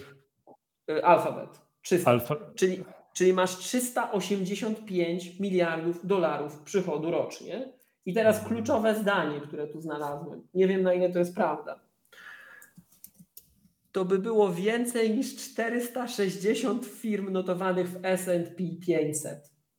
Y, tak, nie, już oczywiście, że tak. Zobacz tą dysproporcję. Dysproporcja między czołówką S&P 500, którą stanowią big techy, te największe firmy świata, a resztą jest bardzo duża. Mi o to, to tak, chodzi. Tak, tak, to tak. Bo ja, ja, nie mam wątpliwości, że, że, że wiesz, to jest najbardziej prost, taka perspektywiczna część tego, co robimy, przynajmniej w prosty sposób, hmm. tak? Bo być może te następne 10-20 lat to jednak będzie, pewnie będzie biotech, tak? Albo coś takiego, albo energetyka szeroko rozumiana, że wymyślimy sposób produkcji energii. Ta energia będzie ważniejsza niż te dane, bo ona będzie napędzać i te dane, i te samochody, i tą medycynę, i wszystko. Tak? No ale na, na dzisiaj jest to ciężko stwierdzić, bo nie wiemy, czy, taki, czy taka rewolucja nastąpi. Natomiast te dane, one są widoczne, my widzimy, ten wzrost jest super. Ale z drugiej strony, znowuż ja nie mam teraz liczb, przepraszam, nie przygotowałem się, może powinienem na przyszły taki nasz e, podcast e, właśnie z quarterly earnings. Już Natomiast... roczny przychód Google'a 200, za 2022 rok 207, no 280, 280. miliardów dolarów. Apple, no i... przypominam, no. za ostatni kwartał 80 parę miliardów, a za ten kwartał świąteczny, tak, czyli ten, co teraz będzie za chwilę, to potrafią przebić 100 miliardów przychodu, przychodu. To jest revenue, mówimy o revenue, nie? No ale ten przychód to jest generowanie jakiejś tam jakiej obrotu, tak? Tak, ob, tak. E, I czyli tą wartość musisz z rynku no, wyciągnąć. Czy jeżeli zakładamy ten średni wzrost 28%, jeżeli to jest prawda, to już biorąc te skorygowane dane, to jest 360 miliardów prawie. Mhm. No i teraz, czy rzeczywiście te 360 miliardów to jest to się 400 da wyciągnąć, tak? S&P 500, bo o to mi chodzi, Michał, wiesz, to już jest taki rozjazd, że my naprawdę zaczynamy w kosmicznych y, wartościach operować, tak? Przypomnijmy, ile wynosi PKB Polski? No tam Przepraszam, nie chcę strzelać z pamięci. Jak za każdym razem strzelam z pamięci, to się powie, no masz, w 2021 679 miliardów dolarów. Ile Przez rok. No tak. Tam też jest rocznie, czyli połowę, połowę Polski mają w obrocie. Czyli więcej niż Ukraina, więcej niż Czechy, znacząco więcej niż Ukraina, znacząco więcej niż Czechy. E, tak, tego Polska, Polska jest dużą gospodarką. Bo, a przypomniałem, bo PKB Stanów to jest jakieś 13-14 bilionów dolarów. PKB Stanów, nie? Ile tak, oni wytwarzają tego dobra, tego, a Polska masz tutaj 600 kilkadziesiąt miliardów dolarów rocznie. Tak, tak. Mhm. Bo z krajów naszego regionu Litwa to jest co? Tak teraz sprawdzam. 67 miliardów, A, Czechy 280, jest... Ukraina 200. Masz PKB e, Litwy to jest malec. Stąd między innymi pamiętam, że Estonia w 2008 roku miała bardzo duże załamanie gospodarcze, bo mimo tego, że był świetnie rozwijający się malutki kraj, to jednak to PKB takie, mimo że per capita już było niezłe, to PKB takie globalnie to był to jest malusieńki kraj, to takie wiesz, województwo dolnośląskie, nie? PKB Estonii. Oni mieli problem, bo byli po prostu za mali, nie? Czekaj, Estonii. PKB Estonii masz 37 miliardów dolarów w 2021, a dla porównania PKB Niemiec, tak? 7 razy większe niż Polski. Tak? 4, oczywiście to jest błąd w tłumaczeniu. Oczywiście nie tryliarda, bo to jest jakiś absurd 4,2 biliona dolarów. Pozdrawiamy. Pozdrawiamy tłumacze z Google'a i tak dalej. No jak teraz piszemy PKB Stanów, PKB USA, to jakieś 13, o, 23? O, to ja coś pomyliłem. Biliona oczywiście, biliona dolarów. Nie, to jest jakiś, nie wiem, czy to nie jest błąd. Nie wiem, czy to nie jest błąd, jakie PKB mają. PKB, no może, może ja coś pomyliłem. Nie, no masz bilion USD, tak. No nie, no to bilion oczywiście, ale na pewno nie, no żadnych triatów, to jest, to jest error. Myślę, byłem przekonany, że to jest jakieś 13-14, ja widzę, że jest 20 parę, no to może ja źle pamiętałem. To może ja źle pamiętam. Nie wiem, czy, nie wiem, czy PKB Europy w całości, o, to może tak, przepraszam, PKB Europy. Czyli czekaj, Unii Europejskiej. A, dobrze, tak, Unii, to widzicie, źle zapamiętałem. PK, PKB Stanów Zjednoczonych, te 20 parę bilionów dolarów jest większe niż PKB całej Unii Europejskiej. Tak, którym tutaj widzisz 14, czyli te 13-14 to było PKB Europy. Nie? No wiadomo, Unia Europejska, Europa to już prawie jak synonim, bo to mało co tam nie jest w tej Unii Europejskiej, nie? I tak dalej, no. No więc Stany, a to tam są te big techy, o których tutaj mówisz, to jest właśnie. To, to jest, jest ta górka.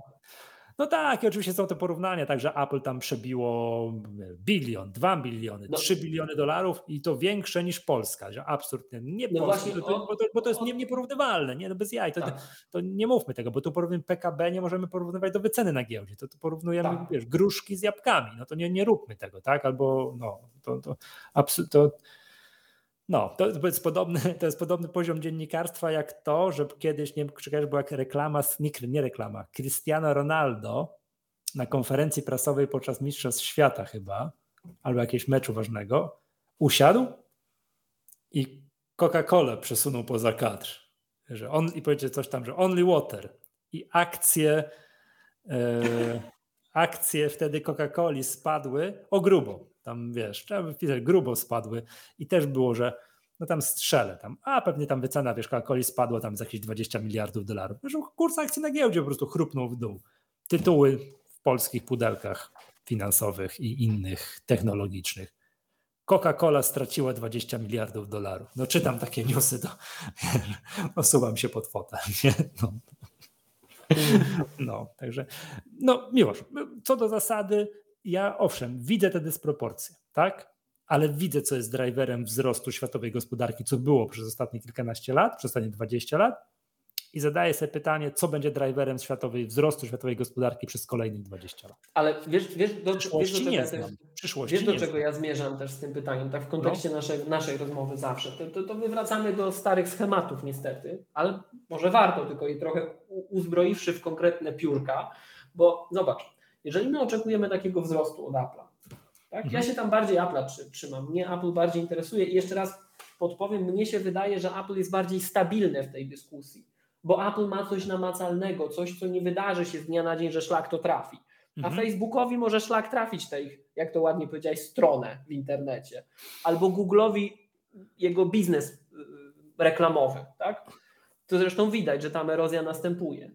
Bo, no bo są teraz w cudzysłowie sztuczne inteligencje, których zada, które ludzie wykorzystują do zadawania pytań, czyli Google Tak. traci to zadawanie pytań. Oprócz tego obserwuje się to, że młodzi ludzie, o których mówiłeś w kontekście aplikacji finansowych, E, Młodzi ludzie nie używają Google'a, młodzi ludzie szukają informacji na Instagramach, TikTokach i tym podobnych rzeczach, tak? Co mnie troszkę dziwi, ale tak to działa. Ale bądź, ja, ja nawet, przepraszam, że uproszczę. Ja czasami jak gwóźdź wbić sprawdzam na YouTubie. A, no właśnie. No, ale, ale widzisz, YouTube to, YouTube to chociaż to samo księstewko. No tak. tak? To samo księstewko. A tu już masz inny. No i teraz, e, w sytuacji, gdyby nagle wszyscy, wiesz, był taki hype na sztuczną inteligencję, wszyscy rzucili tego Google'a w diabły i przeszli na czata GPT na przykład, czy innego AI bota, cokolwiek, Mhm. e, no to Google znika. No Bo nie takie, większość tej firmy to jest to, tak? tak, Oni się próbują nie jest- dywersyfikować, ale... No, takie, tak, oczywiście, przychody tam z Google, dokumentów Google, coś tam i tak dalej, ale oczywiście, że tak, nie? To jest, yy, przychody z Google to jest wyszukiwanie oczywiście i reklamy w wynikach wyszukiwania w Apple, coś i tak dalej, i tak dalej. Mm, i Natomiast teraz- oczywiście proces jest wieloletni, to są za duże, to nie jest MySpace, który po prostu się pomylił i wiesz, rozjechał minimalnie i przestał być znanym i wiesz, lubianym medium społecznościowym w sekundę się rozsypali, prawda? Pamiętasz? Był takie coś, MySpace. Mhm, tak, No tak, to już tak. tak. nie ma? Flickr był Yy, też. Słucham? Flickr był. Flickr, no, do kogo to I należało? America Online. Do, do Yahoo, do Yahoo, Flickr do Yahoo na- należy, należał, należy chyba, tak? Coś tam, nie? No, No, y, to Google y, jest bardzo duży, i to jest pierwsza rzecz, a druga rzecz jest taka, że oni też sami pracują nad swoimi rozwiązaniami do sztucznej inteligencji, nie? Te wszystkimi tam bardem, nie bardem, to, tak, więc tak, to jest, tak, tak. to tam się, to tam się dzieje, nie? Także no, no nie wiem. Tak? No ale Trudno wiesz o co mi chodzi, bo tak troszeczkę odkładając na bok tego No. Google'a i Facebooka, e, notabene, nie wiem czy widziałeś Maciek podpowiedział i też to gdzieś widziałem, że, Google, że Meta wypuszcza drugą generację okularów z Ray-Banem, które wyglądają jak zwykłe okulary. One Nie, naprawdę nie. wyglądają jak zwykłe okulary. Widziałem zdjęcia. Tylko jest mały problem. Około 10% użytkowników ich używa. Tych, co kupili, tych, co mają, a reszta trzyma w szufladzie. Więc no, druga generacja, zobaczymy, tak? A to nie ale- było tak, że, przepraszam, że gdzie, gdzie to jest ten komentarz, bo nie widzę? Mm, To już troszeczkę wstecz. Bo wiem, że to już, bo Snapchat miał przecież swoje To, okulary. to jest meta, z tego co wiem. To Teraz, jest meta, tak? meta to robi, tak. Nie, nie wiem, czy Meta Platforms to się nazywa, czy coś takiego, ale to Meta robi. W każdym razie, em, zobacz, ja, ja o tym mówię dlatego, że rozmawialiśmy o tym, że Apple różne rzeczy dostarcza. Ty wspominałeś Apple Card, mówiliśmy trochę o Apple Pay. E, Nie wiem, czy widziałeś, Apple wprowadza teraz e, usługę iPhone'a jako terminala żebyś nie musiał mieć jakiegoś terminala takiego jak teraz masz, tylko że iPhone, jeżeli jesteś mikroprzedsiębiorcą, będzie Twoim terminalem. I to zaczyna w, Pol- w, w, w Europie rollout zaczyna być w tej chwili e, z pierwszymi partnerami. Także em, Bardzo fajnie. wchodzą, wchod, ja, ja się bardzo cieszę, tak? Ja się bardzo cieszę. Bardzo chciałbym tak przyjmować płatności kartą przez iPhone'a w mhm. K7, tak? Natomiast e, do czego zmierzam? Dywersyfikujemy się, tak? I to rzeczywiście nakręca w przypadku Apple'a. Jest łatwo tłumaczalne, przetłumaczalne na wzrost. To, co powiedziałeś.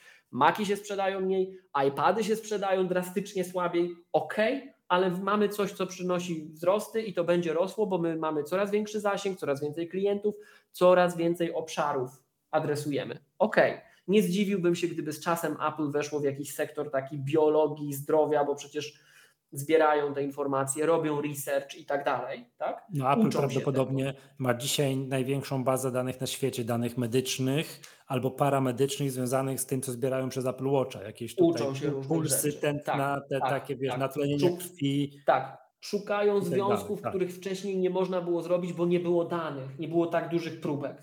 Ale, e, więc ja to rozumiem, ale bardzo mnie zawsze martwi i to zarówno jako klienta Apple'a, jak i obywatela świata, który widzi planetę i jej stan. Już do czerwonej kulki. Do czerwonej kulki, do czerwonej kulki właśnie. O Jezus, tak? och ma, to ja ostatnie pół godziny źle słyszę. Teraz dopiero.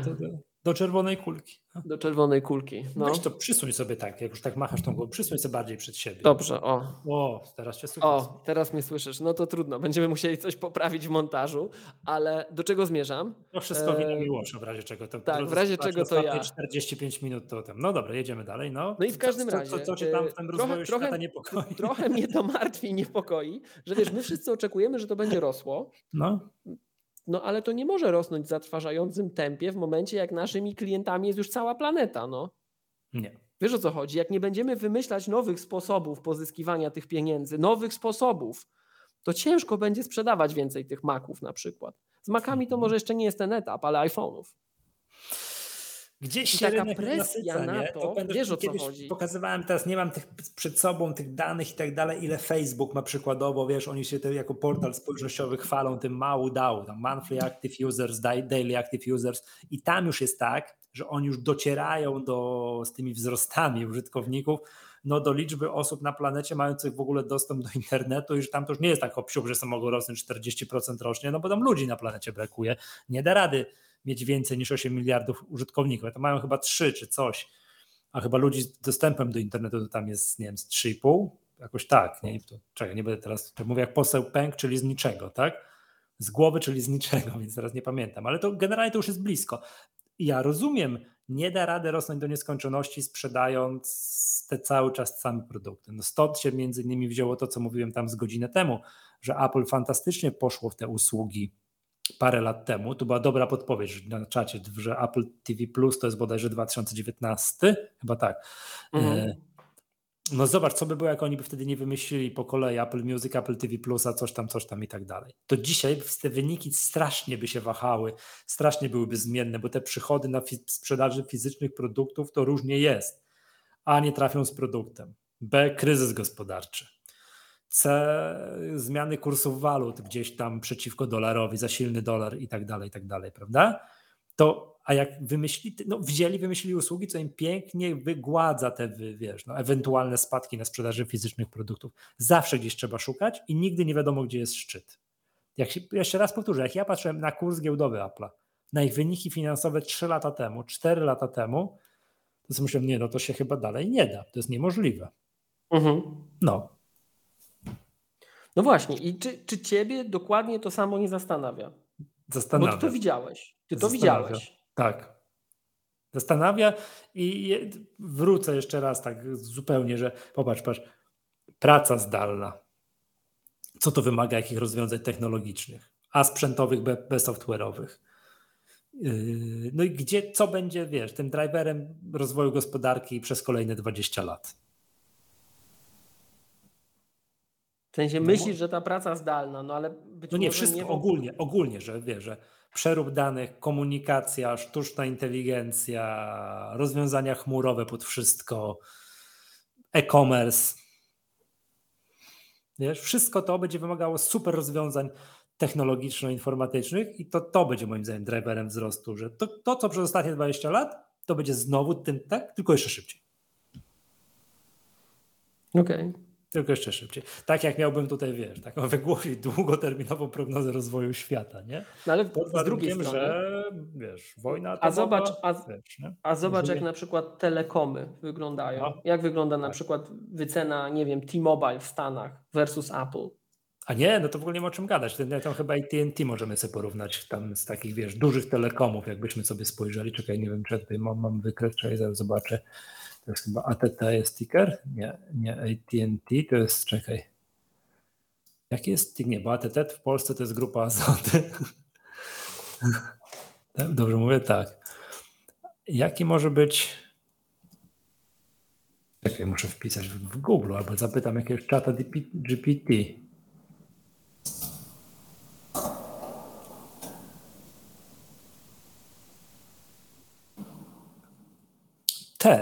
T. O, jaki, prosty jest ticker. O, jaki fantastyczny. Tak. Tak, AT&T. Czekaj, to jest AT&T czy T-Mobile? Jest T. Mhm, tak. Ale który? AT&T czy T-Mobile? AT&T. Do czerwonej kulki mówię. Bardzo dobrze, Miłosz. AT&T przez ostatnie 20 lat wygląda tak, czyli żałośnie.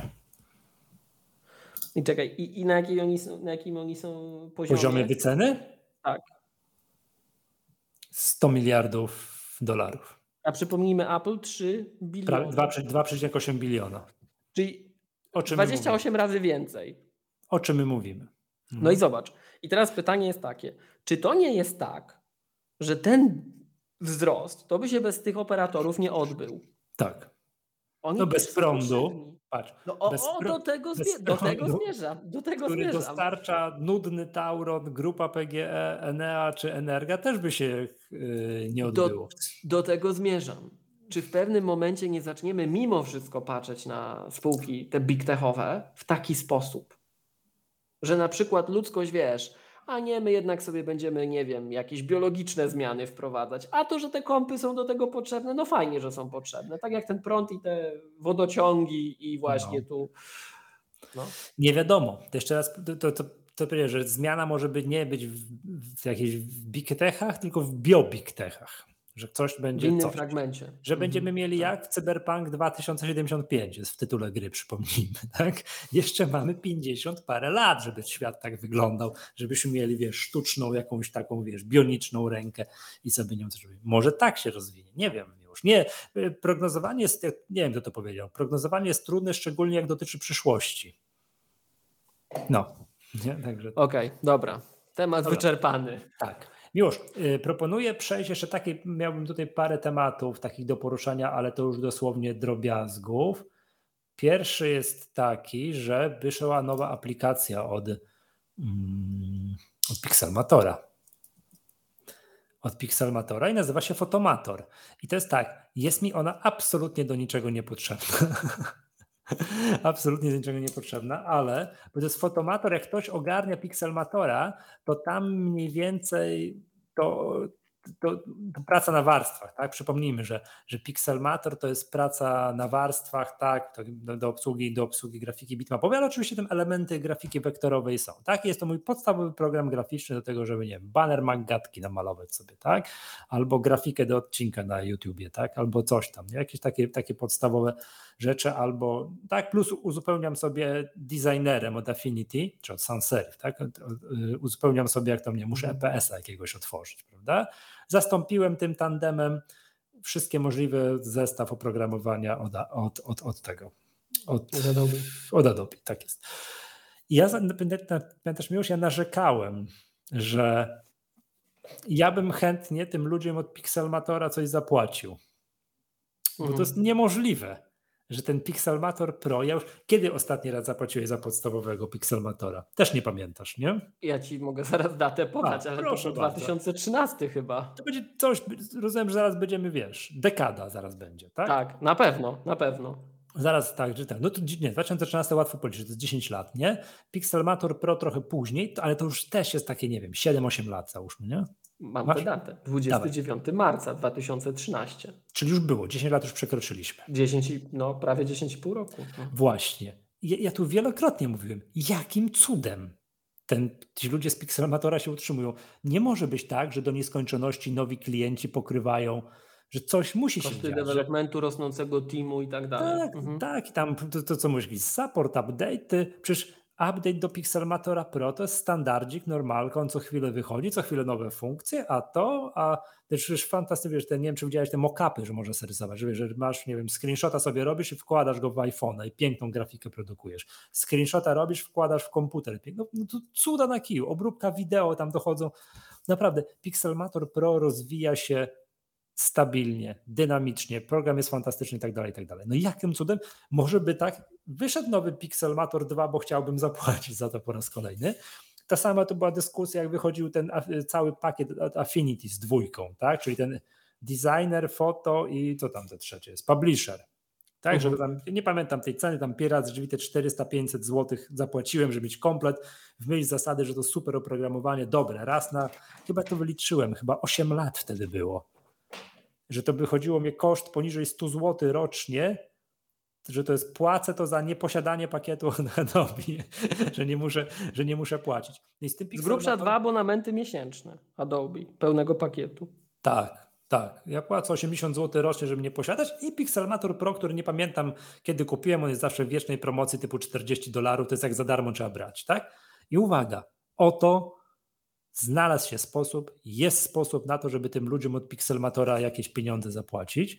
I uwaga, czy ja będę mógł udostępnić ekran? Już, już, już patrzę. Mm, przepraszam, jeszcze raz tu kliknę. O tak. Wyszedł, wyszło oprogramowanie, które nazywa się Photomator i ma odpowiednik ma na iPada jest, bo jak się nazywa też na iPada i uwaga, można sobie kupić abo tutaj. I to już jest pierwsze oprogramowanie od Pixelmatora, które można sobie kupić na przykład w miesięcznym abonamencie. Nie wiem, ty widzisz to miłość, przepraszam, tutaj tak tu Widzę, spojrzę. widzę, widzę, tak, widzę. Widzisz? Miesięczny, roczny i lifetime. Tak, że można zapłacić im albo 26 zł za miesiąc, albo 150 zł za miesiąc, albo 400 zł za lifetime. Tak? Tutaj... To jest bardzo fajny model dystrybucyjny. Bardzo uczciwy. Tak. Ja nie zrobiłem tego tylko dlatego, żeby mieć ten ekran tutaj na nagraniu. Jak tylko Takie poświęcenie. Nagranie, tak, jak skończymy, to miałem w planach, tylko zapominałem, bo to, to, to, nie jest tak, że to wyszło wczoraj. To jest taki news, wiecie, z minus dwa, minus trzy miesiące, nie? To my już, wiesz, my tak trzymamy rękę na pulsie i już w trybie T plus trzy miesiące mówimy o tym, tak? Można wydać pieniądze u Pixelmatora. Fotomator to jest taka chyba, tak to ja się orientuję, to jest chyba taki konkurent do oprogramowania, jak się nazywa to oprogramowanie Adobe do importu zdjęć? Jezus, ja po prostu jestem tak, też jest w abonamencie. Ale nie wchodzi w skład, a chyba, czy może nie wchodzi w skład, może kupić je osobno. Czym się importuje zdjęcia? Okay. Hmm. Wstyd. Wstyd.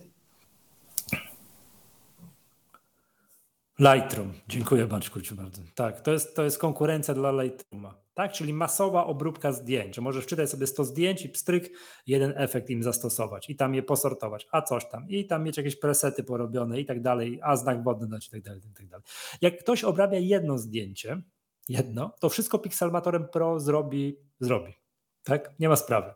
Jak ktoś ma, nie wiem, zrobił sesję zdjęciową, nie wiem, pięknego krajobrazu, wyszedł, o, nie wiem, wschód słońca, kliknął 100 zdjęć, przychodzi, chce obrobić te 100 zdjęć i na wszystkie jeden efekt nałożyć, no to fotomator jest dla niego, tak? Plus tam jakieś, tak. Yy, tak, także no tutaj, o, tu bardzo słuszna podpowiedź na czasie, że ja powinienem to zrobić teraz na wizji, jak ja to robię. O, kurczę, jakie wyzwanie. Niedobre, przepraszam, nie będę się wygłupiał, bo się zaraz coś posypie, tak? To, to, to, to uwaga, zwracam protyp, jak pomóc tym ludziom z Pixelmatora, żeby Pixelmatora Pro wydawali. Trzeba, trzeba kupić, kupić fotomatora kupić fotomatora, tak? To idzie tam do innych wspólnej kasy i tak dalej. To wiesz, dla osób, które są, nie są takie, powiedziałbym, techniczno-graficzno-fotograficzne, to na stronie, czekaj, tutaj może przerwę to na sekundkę, tak? To na stronie Pixelmator jest piękne porównanie. Czym się różni Pixelmator? Od fotomatora, tak? A i co bardzo ważne, ten fotomator ma, ma wersję też na iPada. Tak? Ma na iPadzie, czy już udostępniam ekran, już pokazuję.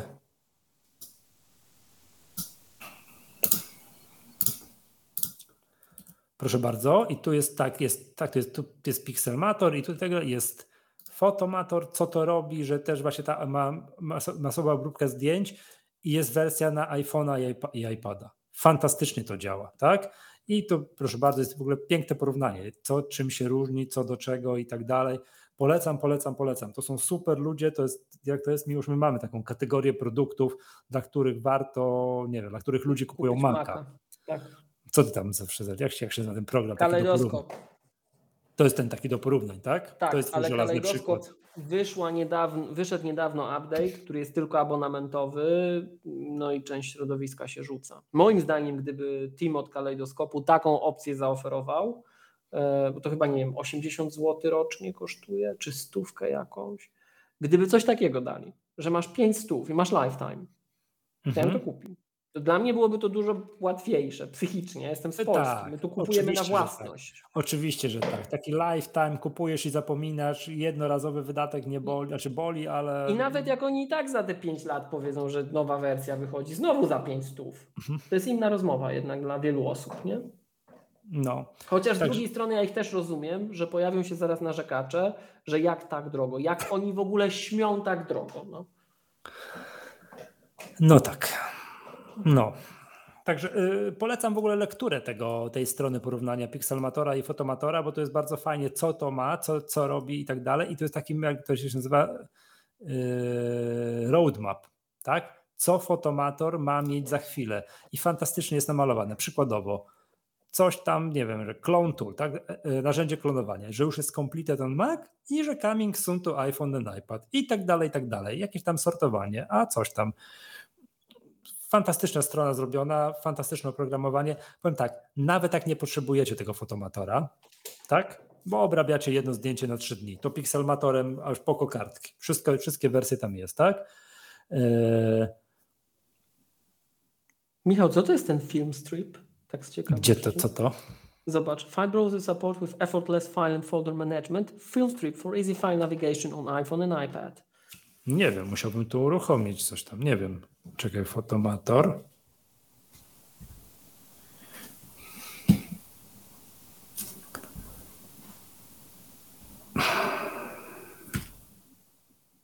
Nie wiem. Nie mam pojęcia. Chodzi o pasek na dole. Czyli taki jak mam w zdjęciach. Tak? Mm, już ci pokazuję. Przepraszam. O, wiem jak pokażę. Wiem, jak pokażę, bo to też jeden tips and tricks. Udostępnię ekran iPhone'a, brzam iPada o, i ci pokażę tutaj. Właśnie. Tak? To jest tego taka, wiem, to taka nawigacja, tylko co tu będzie, że, że już jakieś, żebym ja tu, wiesz, udostępnię coś, co będzie jakieś wybitnie kompromitujące. Zaimportowany, coś tam, nie, no dobra, to myślę, że mogę. Taki pasek nawigacyjny pod spodem, tak? Taki, taki, że możesz sobie wiesz, przesuwać palcem i pod spodem te wszystkie miniaturki, miniaturki widzisz, tak? Więc porada Maggatki na dzisiaj, zapłaćcie te 400 fotomatorowi, cieszcie się kolejnymi update'ami, że Pixelmator wychodzi, coś tam i tak dalej, tak? No pytanie, to jest akurat fotomator tak zrobili, tak? I masz jedną aplikację na Maca, iPhone'a i iPada i to nawet widać jak w tym road, takiej tutaj roadmapie, że niektóre narzędzia są wcześniej na Maca robione, a później na, mm, później na iPada, Trudno. Tak? Trudno. I tak warto moim zdaniem za to zapłacić, prawda? E, dobra. To jest to, to jest to. I co to mówiłem? Aha. I teraz ta porada będzie taka.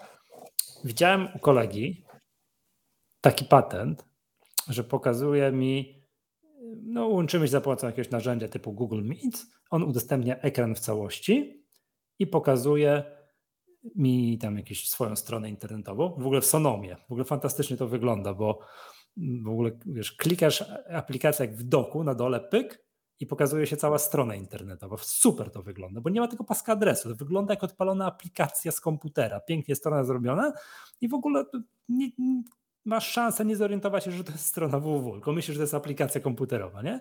A obok ma ekran iPhone'a. I tam ta aplikacja, coś tam, on zmieniał coś w jakimś panelu sterowania jakieś coś tam klikał zapisz i zmieniała się aplikacja na iPhone obok. Jak ta aplikacja została na iPhone obok poka po, po, po, pokazana? Miłosz, to jakbyś mógł powiedzieć, jak to się robi, a ja w tym czasie to zrobię, tylko poczyszczę biurko, bo muszę cały ekran pokazać. nie, nie Taka muszę. najprostsza wersja kablowa to podpinacie sobie waszego iPada albo iPhone'a kablem do Maca odpalacie, oczywiście zezwalacie i po stronie komputera Mac, bo od Ventury musimy się zgodzić na podpinanie podłączanych urządzeń USB, e, więc musicie się zgodzić na Macu i na iPhone'ie, musicie zaufać temu urządzeniu po drugiej stronie, wpisując hasło do urządzenia. No i możecie sobie wówczas jako źródło nowego nagrania filmowego w QuickTime wskazać tego właśnie iPhone'a albo iPada i już. I to jest naprawdę fajna rzecz. Aha, uwaga, uwaga, uwaga. Ja to właśnie zrobiłem i teraz pytanie za 100 punktów, czy będę mógł ekran poszerzać? Oczywiście. I teraz patrz jaki hit. Nagrywamy na komputerze, udostępniamy ekran i ja udostępniłem teraz ekran mojego iPada. Nie? Proszę mhm. bardzo. Tak, tak, tak. tak. Dobrze, to są jakieś właśnie widgety. Właśnie, to tajne rzeczy to nie. Tak, tak, tajne rzeczy, ale dobra, no tak, to, tak tu powiedzmy sobie. I tutaj uwaga, tu mam, tu mam w doku jest fotomator, stryk, no i teraz jak to są jakieś tam, to są screenshoty. Memy tak, jakieś, no tak. Tak, memy, screenshoty i tak dalej. I na przykład, proszę bardzo, tak, to układka Maggatki i ten film strip, o którym pisałeś, do łatwego nawig do łatwej nawigacji między zdjęciami, to jest to na dole. Widzisz? Mhm. Tak, okay. że tak sobie możesz przesuwać, tak, tu podglądać jakieś, wiesz, podglądać jakieś, jakieś zdjęcia. To, to o to, to o to chodzi. Tak samo jest na, chyba na komputerze, tak samo jest, podobnie jest na iPhone'ie i tak dalej, nie? No a tak a propos, to paczki fajny patent. Nie? Udostępnienie ekranu na iPada, nie dość, na komputer i jeszcze udostępniliśmy, udostępniliśmy to przez internet. Ale bajer. Tak. Nie? Fantastyczne. To wersja taka trudniejsza, jak chcecie mhm. to bezprzewodowo, bo są jeszcze dwa rodzaje dostępu do streamu z urządzenia iOS czy iPadOS na Macu. Od Monterey'a teoretycznie na komputerach z T2 oraz Apple Silicon, ale jak mi um, jeden student powiedział, nie, bo jest jeszcze iMac 2019, który nie ma T2, a też to ponoć działa, e, możemy wykonać AirPlaya. Czyli po prostu wykonujecie AirPlay. Przy czym minusem AirPlaya, zaleta AirPlaya jest taka, że jest to akcelerowane sprzętowo, nie musicie być w tej samej sieci, no w ogóle czat, ale minus jest taki, że jak macie multi-monitor setup, to on wam powiedzmy, powiedzmy, że macie pięć ekranów jak ja, to on wam ładnie wygasi cztery na czarno zrobi i na jednym wyświetli tego iPada. No wspaniale, to, na no to, czekałem, tak? E, natomiast jak chcecie to mieć bezprzewodowo, to możecie wykorzystać ten myk, który Wam Michał przed chwilą pokazywał w czasie klubowiczom i klubowiczom e, wideo, a dźwiękowo Wam opowiedzieliśmy, że to w oknie QuickTime mhm. wszystko po podłączeniu kabelkiem. Można to oszukać i streamować bezprzewodowo do QuickTime'a Apple TV, a na Apple TV wysłać z kolei AirPlaya z iPhone'a czy iPada. prawą ręką za lewe ucho, ale dobra, da się. No. W tym momencie przeskakujecie. Macie większe opóźnienie, ale możecie sobie tego iPhone'a czy iPada w okienku mhm. na jednym z monitorów bezprzewodowo trzymać, co jest fajne. Przypomnijmy, Apple TV potrafi e, łączyć się w taki sposób bezpośredni, to direct connection, podobnie jak inne urządzenia AirPlay, to nie musi być w tej samej sieci. To po prostu wystarczy, że stoi obok. Także bardzo fajny Super. sposób. Tutaj, e, ponieważ ja przerzucałem ekrany i okazało się, że zacząłem prezentować tego iPada na ekranie, na którym nie powinienem prezentować, bo tam miałem jakieś widgetiki, a z OmniFocusa na drugim ekranie z przypomnień, bo testowałem to też uwaga, w części niepublicznej mówiliśmy o przypomnieniach. Czy przypomnienia mogą zastąpić OmniFocusa? To będę się bawił, jak tylko skończymy nagrywać. I miałem tam jednego takiego zadanie opracować projekt kubeczka. I już tutaj klubowicze wychwycili, czy, czy w taskliście, czy ten nowy kubeczek Magatki. No owszem, owszem, gdzieś tam, gdzieś mamy to, to na, na tak, w jakiejś nieskończenie, nieskończenie długiej liście to do, do, do zrobienia. Tak? Nie wiem, już bądź jestem tak zbudowany to, jak to fajnie działa, to udostępnianie tego, że, że można pokazać, to jest niesamowite. Tak, to jest naprawdę to jest, fajna rzecz. To jest niesamowite. A do wszystkich takich prezentacji, że wiesz, że no łączy się, nie wiem, webinar prowadzisz. A jak zrobić na Macu, czy nie na Macu, na iPadzie coś tam. No to jak to się kiedyś robiło? Nie mam pojęcia. Teraz znaczy, już od kiedy to jest? Bo to ja to dla mnie to jest nowość, umiarkowana tam znam od kilku miesięcy. 10 lat? Nie, to jest od bardzo, bardzo, bardzo dawna. Bardzo ale dawno. Wstyd. ale mi wstyd. Że ja tego nie wiedziałem. Zaryzykowałbym, że od Snow Leoparda. Że muszę tu wiesz, nie? Znaczy wiesz, dużo jest w systemie takich rzeczy, e, z których no, my nie korzystamy na co dzień, więc nie, nie widzimy ich, tak? Nie widzimy ich, a um... Tutaj znowu na czacie jest piękny propozycja tytułu, jak na Honet pokazał swoje widgety.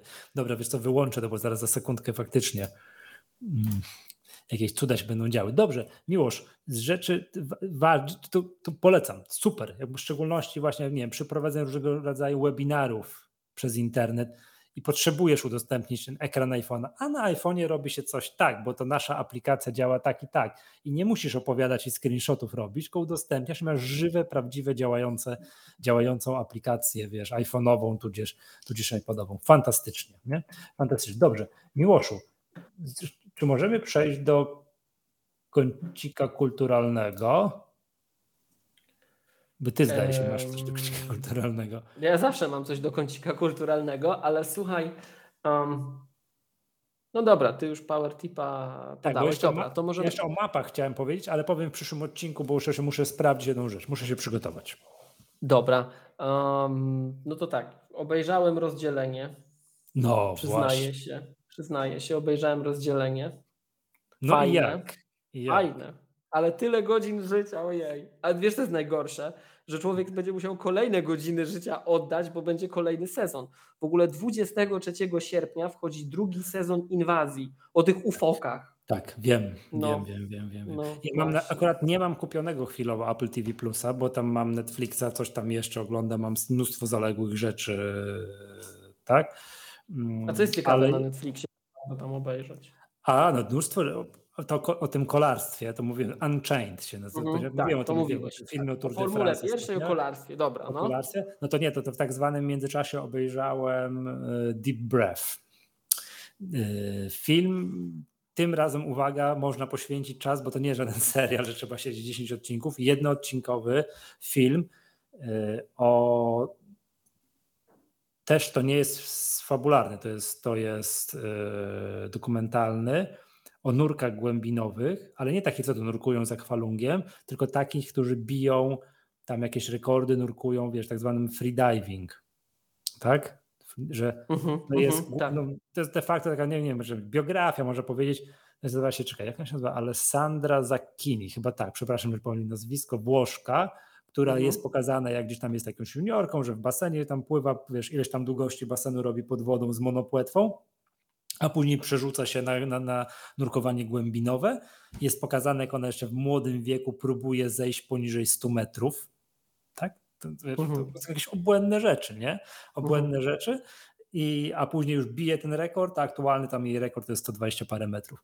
Że wiesz, że, że nurkowie nurkują na, wiesz, biorą oddech, w dół i to jest niesamowite. Do 30 metra to jest, oni po prostu tak muszą za pomocą, wiesz, ruchów takich, takich delfinowych zejść, a poniżej 30 metra jest swobodne opadanie. Oni po prostu toną. Po czym dochodzą do, do tego miejsca, które chcą. Kresu, tak? Tak, do kresu, do którego chcą zanurkować. To, mówię, to film jest o tym, jak ta Alessandra, chyba Zakini, bo tak się nazywa, próbuje 100 metrów przebyć, później pobija rekord świata, jest 100 parę metrów i tak dalej. Później film jest, on nie jest nowy, bo teraz już jest dużo więcej, dużo głębszy ten rekord, ale wtedy były te 100 parę metrów i później muszą wypłynąć. Jest pokazana walka y, o to, jak oni wypływają, że tam tragedie zdarzają się na ostatnich 10 metrach, tak naprawdę, jak ta asekuracja wygląda i że to jest taki sport, w którym śmiertelność jest, mam wrażenie, porównywalna wśród Himalajstów zdobywających najwyższe szczyty w Himalajach. Czyli duża. Okay. Czyli duża, nie? I tam jakiś jej partner, tam nie wiem, i sportowy, i życiowy, gdzieś tam w pewnym momencie ratując ją, utonął, nie? Gdzieś tam też się nie, nie, nie też jakieś takie rzeczy, no niesamowite.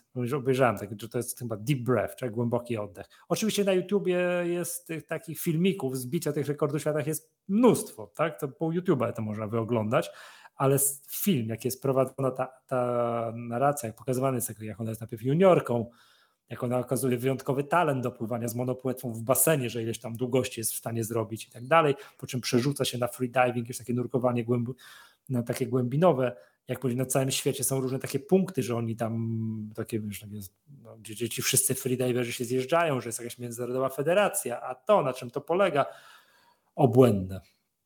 Oddechu brakuje, jak się ogląda film. To. Siedzisz, patrzysz i człowiek siłą rzeczy, nie? siłą ja rzeczy ci... bierze głębsze oddechy, to to polecam na net, z rzeczy. Opowiedz proszę o, a wracając do Apple TV Plusa, nie mam, ale przykuję się, bo jest drugi sezon Fundacji. Wszedł, to, bardzo pragnę to obejrzeć. To ja jeszcze chcę obejrzeć z takich rzeczy, które chcę, ale się boję. E, Slow Horses. Tak, e, w roli głównej na mnie nie patrz, ja, ja nie wiem. No przecież to jest. Ja tylko Aykroyda i Belushiego. To jest aktor, który zrobił, yy, zrobił niesamowitą rolę, zagrał. Yy, no, tak, Gary Oldman.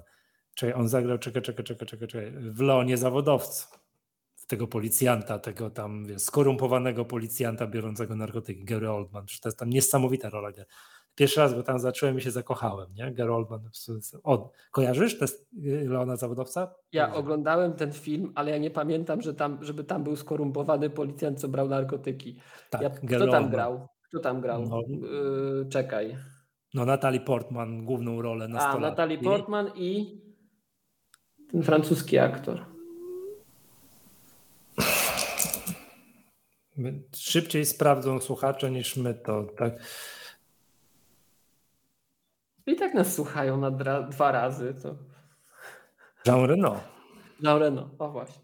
Jean Reno. I skorumpowanego policjanta grał. No nie pamiętam, że tam taka postać była. Jego, jego fantastyczna scena, jak to jest po angielsku jest film oczywiście, jak, jak on tam żąda w pewnym momencie, żeby więcej policji, żeby wszyscy policjanci, że everyone i taki policjant, taki szeregowy pyta się everyone, a on tak krzyczy. No nie krzyknę tutaj, żeby sąsiedzi w ogóle zaraz tutaj, wiesz, mikrofon rozsadził, on tak krzyczy tak. everyone. Jest po prostu zagrane, zagrane jest tak. To jest jedna, i tam jak zagrał Gary Oldman, to jest od, tej, od tej pory zostałem fanem Gary Oldmana i tutaj słuszna podpowiedź na czacie jest, bo on już ma swoje lata, no to przecież Leon zawodowy, co nie wiem ile ten film ma lata, za 20 parę, nie? Albo tego, jak zagrał Churchilla. Jest teraz, jak się nazywa film z Churchillem? Nie wiem, czy nie mówiłem o tym w Magdace. Jezus Mary, to, to jak się nazywał Churchill? Chyba. Czekaj, czekaj, czekaj, czekaj. Gary Oldman i. My powinniśmy na sponsora jakiegoś producenta leków na pamięć, Michał. Tak, tak, daj spokój. Już, już mówię, jak się nazywał film ten z Churchillem. Nie, znaczy o Churchillu, przepraszam, może inaczej. Darkest Hour piszą na czacie. Tak, jak Darkest Hour, dziękuję bardzo, tak. I to jest tam fragment z II wojny światowej, jak jest ta operacja pod Dunkierką, coś tam, jaką w ogóle zostawał premierem i tak dalej. Genialnie zrobione. Genialnie.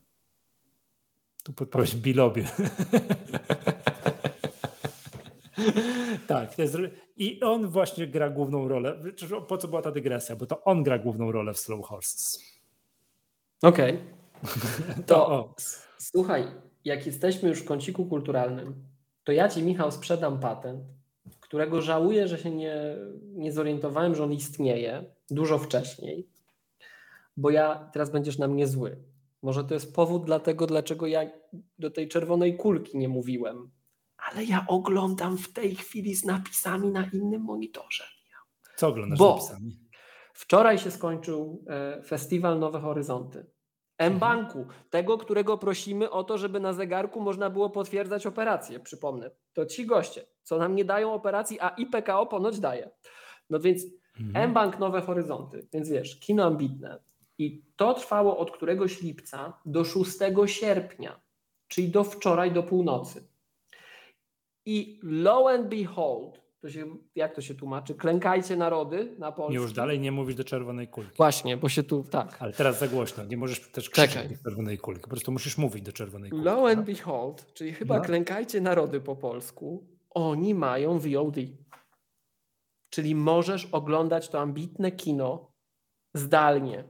Nie musisz mhm. być we Wrocławiu gdzieś tam, czy w tych kinach towarzyszących, bo w ogóle te kina towarzyszące są rozsiane także po mniejszych miejscowościach. To jest super. To bardzo za to dziękuję, bo to aktywizuje lokalne społeczności. To jest, to jest mega rzecz. Ambitne produkcje wszędzie. Ale jeżeli jesteś takim, nie wiem jak to ładnie powiedzieć, um, jaskiniowcem jak ja, że nie wychodzisz z tej swojej jamy na zewnątrz, to możesz oglądać przez internet. Tylko, że problem jest taki, że mi ten patent sprzedano chyba o 18 wczoraj. 6 godzin przed końcem festiwalu. Przeciętny film trwa dwie godziny. Więc wykupiłem dostępy, a jak go kupisz, to masz dostęp na 48 godzin na obejrzenie. No to tak jest jak wypożyczalnie. W Apple TV tak. kupisz, tak. nie, nie kupisz, tylko wypożyczysz film, to od momentu kup, przycisku play masz 48 godzin na skończenie. Klasyka. No właśnie. Więc przeliczyłem sobie, że skoro przeciętny film trwa dwie godziny i muszę spać co najmniej 4 godziny przez te dwie doby, e, kupiłem dwadzieścia kilka filmów i tak wszystkich nie, nie obejrzę. Pojedynczo kupować, czy tak dopytam? Znaczy tam były pakiety. W euforii po, kupiłeś. By, był pakiet 25, pakiet 10 i po jednym. To kupiłem pakiet 25, pakiet 10 i chyba ze 3 jeszcze dokupiłem luzem bo ja nie wiem, które obejrzę. To za, za mało czasu było. Kupiłem wszystko, co mi się podobało. No i teraz mhm. oglądam, Michał. Spałem trzy godziny dzisiaj. Oglądam, cały czas oglądam, z napisami oglądam. Wiesz, co jest fajne? Mhm. To jest no. naprawdę ambitne kino, którego później nie wypożyczysz na żadnym innym VOD, bo nie ma. Bo to wiesz, to ludzie oglądają jakieś głupoty, a to jest naprawdę ambitne kino z całego świata, wybrane rzeczy. I wiesz, co jest jeszcze takie kojące dla mojej duszy? Że to nie jest serial że obejrzysz i Masz cały. I Masz po prostu do, do, kulki wiem. I cały. I nie grozi ci drugi sezon, trzeci sezon i tak dalej, tak? Tak. A, tak. No, to, to polecam ci Deep Breath na Netflixie. Na CDA ponoć jest podpowiedź. Tak.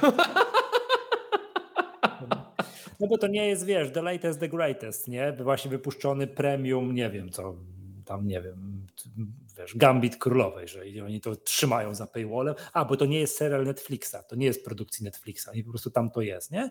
I ja z racji tego, że oglądam te dokumenty sportowe, typu a jak nie Formuła 1 to Tour de France, to tam coś o tenisie, to mi, to mi się pod, algorytmy mi podpowiedziały, tak?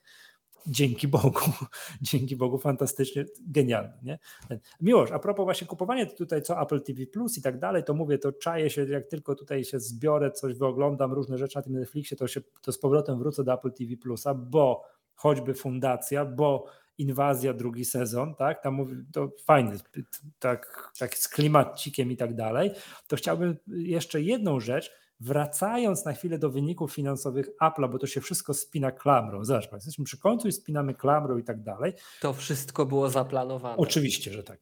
Bo przypomnijmy, że tam oni powiedzieli podczas tego kola wynikowego, że ten miliard użytkowników ma jakieś subskrypcje Apple. Nie wiem, czy jest miliard mm, już jakieś subskrypcje Apple. I uwaga, Cook podczas tej prezentacji podkreślił, że bardzo pomogło na terytorium Stanów Zjednoczonych to, i teraz uwaga, miłość, to będzie coś, na pewno się zaskoczy ten fakt, bo nie wiedziałeś o tym, że Messi poszedł do Interu Mil, yy, Miami, Miami, Inter Miami, czy Intermediol, do Interu Ma yy, Miami. Tam David Beckham jest jakimś, nie wiem, współwłaścicielem czy dyrektorem zarządzającym, to Beckham powiedział, że jest w euforii życiowej, że przyjeżdża codziennie do klubu o 7.30, bo chce widzieć od początku do końca, jak Messi jest, trenuje i w ogóle i tak dalej. I uwaga, Dlaczego, skąd to się bierze? Bo Apple kupiło prawa do transmisji tego MLS, co to jest Major League Soccer, tak, ten skrót, mhm. na świecie, globally, o, tak? I uwaga, jak teraz, czekaj, może spróbujmy znowu udostępnić ekran. Jak skroluje się yy, stronę produktową tutaj Apple TV Plusa, w ogóle patrz jaki, patrz jaki DRM, Niesamowite. Patrz, tak. u mnie na ekranie jest tutaj animacja z fundacji w tym momencie. A przy streamingu na zewnątrz jest czarny ekran. Widziałeś, jak jest sprytne? Tak. Niezłe. No i teraz jak skroluję się tego, skrolujemy, no i tutaj jest w powietrzu, w ogóle pierwszy odcinek w powietrzu obejrzałem, bo jest za darmo, fantastyczny, ten hijack. Yy, fundacja, Silos, coś tam, nie? To zaraz będę miał do ciebie tak. pytanie, no. Skroluję, skroluję, uwaga, Lionel Messi na żywo sezon MLS teraz w obniżonej cenie. I teraz nie wiem, czy to będzie, tak? Uwaga. I teraz oczywiście muszą się zawieść ci, którzy yy, muszą się zawieść ci, którzy myśleli, że to będzie w ramach Apple TV Plusa. Oczywiście nie, jest to dodatkowo płatne.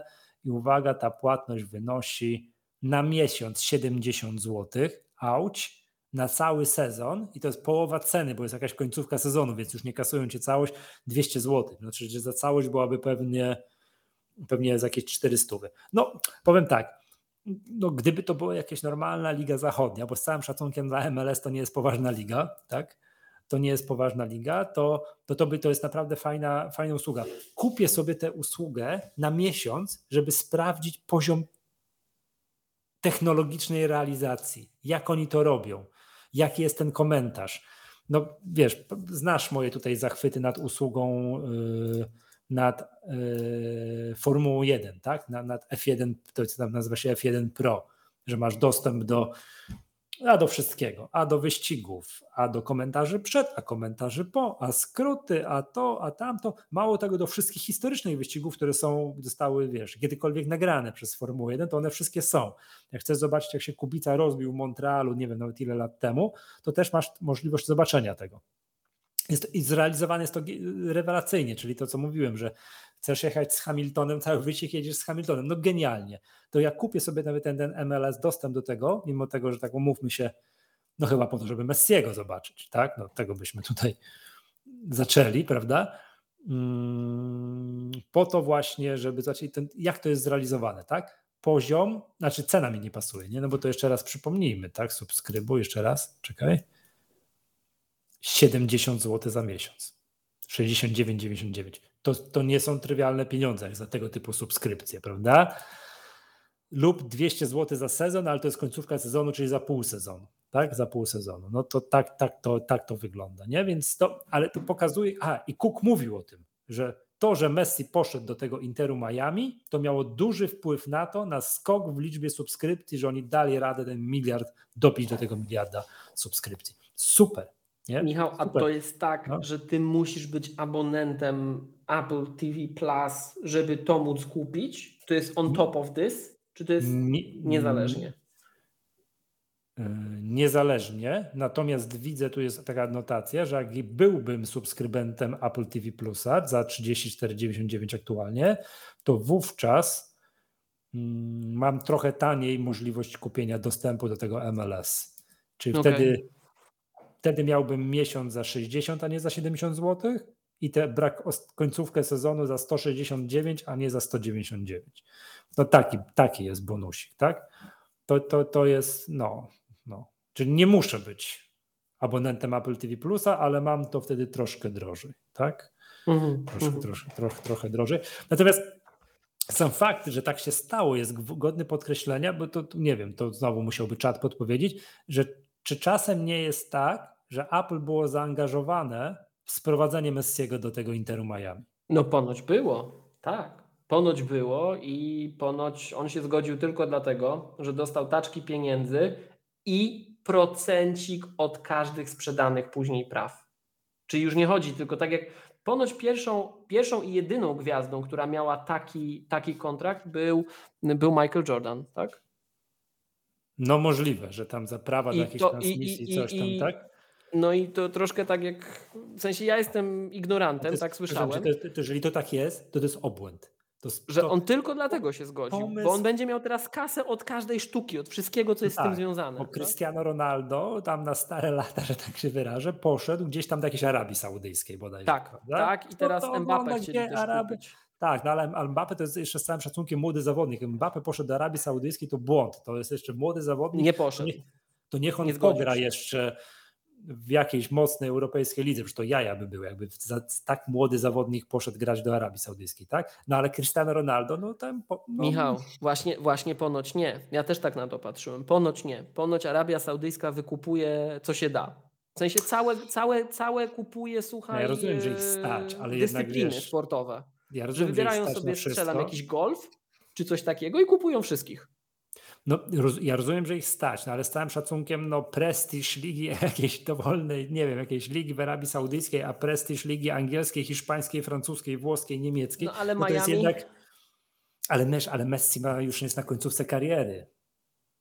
Messi to już jemu zostało, no to, to już Wiesz, to nie jest młody dwudziestoparoletni gracz, który jeszcze może grube 10, kilkanaście lat zawojować świat. On już wszystko zdobył, łącznie z Mistrzostwem Świata, o którym też mówiliśmy to podczas tak, nagrania. Tak, tak, tak, tak. Donieśliśmy wam, że Messi zdobył Mistrzostwo Świata. To nawet ja się dowiedziałem. No, tak? To, to Messi jest końcówkę kariery, więc on może robić szalone rzeczy. A pójdę sobie pograć do Interu Miami, tam coś tego i sobie przy okazji zrobię fajny biznesik z Apple i coś się pobawimy się, wiesz, w propagowanie no. sportu na nowym kontynencie, nie? Od osób, które więcej wiedzą ode mnie, słyszałem, że Saudyjczycy sobie stawiają za cel, że chcą być dziesiątą, jedną z dziesięciu najlepszych lig na świecie piłkarskich, a nieoficjalnie, że chcą być co najmniej w pierwszej piątce. I pomysł jest jeden: kupić no. wszystkich. No rozumiem. To z całym szacunkiem to im się nie uda. Możemy tutaj, wiesz, Michał Masłowski, 7 sierpnia 2023. Nie uda im się. Nie? Mogą okay. sobie kupić wszystko, ale no, nie ma takiej możliwości, żeby, wiesz, przebić popularnością strzelę. Ligę angielską, gdzie futbol jest religią. To jest to pytanie, nie? To jest to, to pytanie. jest po prostu niemożliwe. Nie da rady moim zdaniem. Tak jak mogą kupować sobie kluby z Europy, z Europy. No przecież to PSG, gdzie gra ten tak, coś tak, tam, no, tak. że to jest własnością jakichś Saudyjczyków chyba, tak? Mhm. No, no to okej, okay, to tak mogą robić, kupować sobie wszystko i tak dalej, no ale jednak tam, żeby tam... Mają Liga, tam grać. że mają tam grać i Liga Saudyjska ma być jak jedną z pięciu, no nie, nie, nie, no bez, nie, nie no, no nie, nie, nie, nie, nie. No nie, nie, nie. Michał, a jakby nas chcieli kupić i mielibyśmy się przeprowadzić, nie no, count me in. Do Dubaju. do no. Dubaju. No ale nie, wracając jeszcze do tego MLS, że, którego Apple, no nie, no jakby to powiedzieć, co, kupiło? Wykupiło prawo do transmisji i oferuje teraz w ramach, no nie w ramach usługi, jako to, nad, że możesz... Wyło, wyłączność kupiło, tak chyba? Tak, czekaj, jak to rozumiem, że sobie wiesz, no mam, chcę oglądać interesuje mnie liga amerykańska, bo Messi tam gra, muszę to zrobić, że po co Apple TV. No powiem, powiem ci, pomysł na ekspansję, to jest to, co mówię, gdzie szukać nowych, wiesz, jak to Apple ma rosnąć i tak dalej, no na przykład tak. Tak, tak, tak. okej, okay. to, to, jest jak najbardziej. Wiesz, dzisiaj Dobra. kupili, i mówię, kupię sobie rynek. to tak, wiesz, jak to zostało zrealizowane, nie? Dzisiaj kupili to, za rok kupią, nie wiem co, coś innego, moim zdaniem, no będę ten eksperyment obserwował. Nie? To jest naprawdę bardzo interesujące. Jak ten Messi tam do spółki z Kukiem se podali rękę, dobra, pociągniemy to tam, żeby zobaczyć, jak to, jak to zadziała. Nie? Super, moim zdaniem super. Nie? Tak sobie no. pomyślałem, że jak my takie dobre rady rządzącym dajemy, że zobaczcie, tutaj ten podpis cyfrowy można sukces tak. ogłosić, jeden podpis, overnight transaction tutaj u nas, tak? No to pomyślałem, że jakby nas kupili do tego Dubaju, to my byśmy chętnie też im różne rady dawali, ale pomyślałem, że to by się może dla nas źle skończyło, Michał, jakbyśmy tam im rady dawali. E, to tak samo, wiesz. Tam mogą nie przyjmować jak, tak dobrze jak nas. Wiem, ja tak, tak wiem. E, to tak samo jak jest cała masa różnych, no nie wiem, teraz nie wiem, no, czy kojarzysz, czy to jeszcze obserwujesz i tak dalej, wszyscy zajmują ręce, co się dzieje z Twitterem. A teraz nie Twitterem, to, to Twitter zmienia nazwę Excel. na X, Excel, XCOM tak. i tak dalej, tak? I to widziałem już komentarze, że kim jest ktoś tam, żeby dawał radę gościowi, który tam jest, tam okresowo jest, w zależności od kursu Tesli, najbogatszym człowiekiem na świecie. No i to też tak. Może mnie Elon kupić, też będę mu chętnie dawał radę. O właśnie, tak. Dobrze, Miłoszu, czy coś jeszcze mamy w kąciku kulturalnym? Tak? No, żeśmy... muzykę fajną? A powiedz mi jeszcze raz ten Severance, czy, czy ci się podobał? Podobał mi się aczkolwiek powiem Ci, jak ja na to patrzę, tak? Um, no jak ja widzę, że. O, to jeszcze jedna rzecz. Jak ja widzę, że to ile tam trwa? 8 godzin, troszkę tak mhm. z założenia zakładam, że to jest rozwleczone. Mhm. I tak powiem Ci, trzeci, czwarty odcinek to tak. Ee, ale przy piątce, szóstce zaczęło się robić interesująco, jak e, samobójstwo próbowała no to spoilery. popełnić. No trudno. Haliar, Haliar, tak? Haliar, tak. No, no, to, no to... Genialne. Pozdrawiamy serdecznie. W każdym Genialne. razie, e, no to się tak zaczęło, wiesz, coś interesującego dziać, nie? A ostatni odcinek mnie zabił. Ostatni odcinek był bardzo fajny, tak. Natomiast to, co mnie interesuje, Michał, bo ty wspominałeś, że oglądałeś ten serial, dwa pierwsze odcinki o tym, jak porywają ten samolot. Pierwszy, ten hijack. pierwszy, hijack, bo za darmo. Jak to zobaczymy, ja byłem przekonany, że to jest film. Przysięgam, byłem przekonany, nie, nie, nie, że to jest to film. Jest, to jest jak kiedyś na Polsacie kojarzysz co tydzień inny Boeing 737 miał inny problem i tam rozbijał się, lądował nie, na oceanie. Mylisz w katastrofy w przestworzach National Geographic. No ale dobra, to tak jest. Tak? Jest, tak, nie, jest nie, takie. Ale były, czekaj, takie na No dobra, nieważne. Katastroficzne filmy, Polski, zawsze dwie godziny, zawsze Polski była, wiesz, najpierw była taka retrospektywa, że ktoś się spóźnił na ten samolot, a jakby się nie spóźnił, to by nie zginął w tej katastrofie. Dużo czegoś takiego było, nie? Natomiast e, tutaj ile oni będą? 7 godzin? 8 godzin będą? To ile, ile tam w tym lecieli tym samolotem? Sezon ma 7 odcinków. I trwa godzinę. No każdy tam, no nie wiem, no pierwszy odcinek miał 44 minuty, no to tam... A, no no, okej. Okay. No, no mm, I... A to podobno jest dobry serial, tak widziałem tego. Pierwszy, pierwszy odcinek bardzo fajny. Bardzo fajny. Polski tytuł w przez... Nie, w powietrzu, przepraszam, w powietrzu, angielski tytuł Hijack. Hijack. Mhm. Czy porwanie powinien być polski tytuł, no ale dobra, nie? Także to... Przestań, no. bo mi się jeszcze ghosting czkawką odbija. Ten, a to Ghosted, jest film sorry, Ghosted. Ghosted. A to bardzo Ghosted. fajny, taki, taki wiesz, do, na piątkowy wieczór jest taki ten serial. I to jest film, to nie jest serial. To nie jest serial, o, to jest film. No i w końcu jakiś... To z kolei to ja na odwrót, to ja się tak dałem nabrać. Myślałem, że to jest serial, trzeba oglądać, jakoś strasznie, myślę tak, kurczę, strasznie długo ten pierwszy odcinek trwa. Oglądam, oglądam, oglądam, skończyło się, a, to już, to wszystko, okej, okay, nie? To ja, ja w drugą stronę się dałem nabrać. Byłem przekonany, że to jest serial, okazało się, że to jest film taki normalny, pełnometrażowy, nie? To czekaj, to już nie możemy uciec. Michał, masz różowe tło z tyłu. Mhm. Barbie. No nie byłem. Oglądałeś? Nie, ale byłem na Oppenheimerze. I powiem ci Oppenheimer, o tak, to to jest klasa. Miliard dolarów, tak? Dobrze kojarzę? Miliard dolarów zarobiła Barbie. Jest to pierwszy w historii film, który tyle zarobił. Kobieta wyreżyserowała. Naprawdę?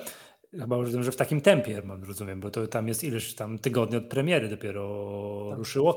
Podobno Oppenheimer zarobił per kino Połowę więcej, ale per kino zarobił więcej, bo w mniejszej liczbie kin został wyświetlany. A, okej. Okay. No ponoć, wielki, no ponoć wielkim zaskoczeniem, zaskoczeniem jest to, że w Chinach się Barbie tak dobrze przyjęła, a tam jest generalnie bojkot Hollywood. Co ty mówisz? Naprawdę? Tak. A to jest drugi rynek globalnie w tej chwili, jeśli chodzi o, o, o, o kino. Ale oni mm. bojkotują Hollywood, wiesz. Nie mam, to nie tutaj, mam tutaj nie bojkotowali. Nie, nie, nie wypowiem się o Barbie, bo nie widziałem. Może to sobie nie ciągnie mnie na ten film. Obejrzę w jakimś streamingu na HBO za dwa lata czy za rok. Natomiast, natomiast Oppenheimer. Hmm, widziałeś Interstellar? Nie zakładam, że większość słuchaczy widziała, widzów widziała i tak dalej. Tak ktoś by nie wiedział, kto jest reżyserem jednego i drugiego, obejrzy jeden film i drugi, to w ciemno zgadnie, a dobra, to ten sam reżyser musiał robić, nie?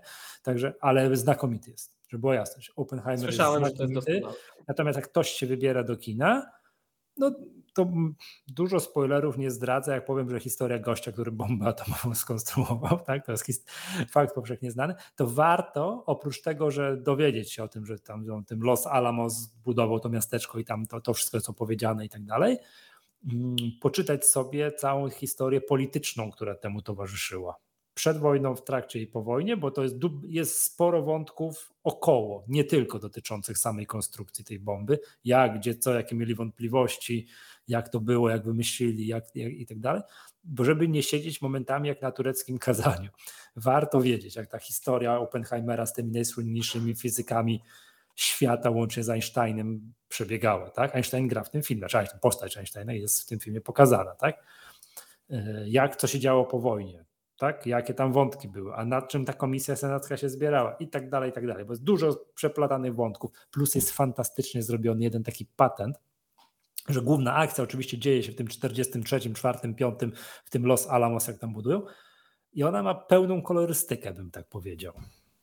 W, pełnej, w pełnych kolorach. A przykładowo coś, co się dzieje w, tam w latach 50., bo on tam przed jakąś komisją senacką staje, coś tam zeznaje, więc dzieje się, wiesz, to nie jest tragedia grecka, że jest wiesz, zachowana jedność miejsca, czasu i akcji, nie? To jest mhm. film, który skacze po punktach w czasie. Coś w końcówce wojny się dzieje a coś tuż przed wojną pokazane było, jak on tam kończył jakiś, jakiś, jakiś uniwersytet gdzieś tam, gdzieś tam, tak? A coś się dzieje po wojnie, w jakiejś tam, czy jakaś komisja w Stanach Zjednoczonych jest.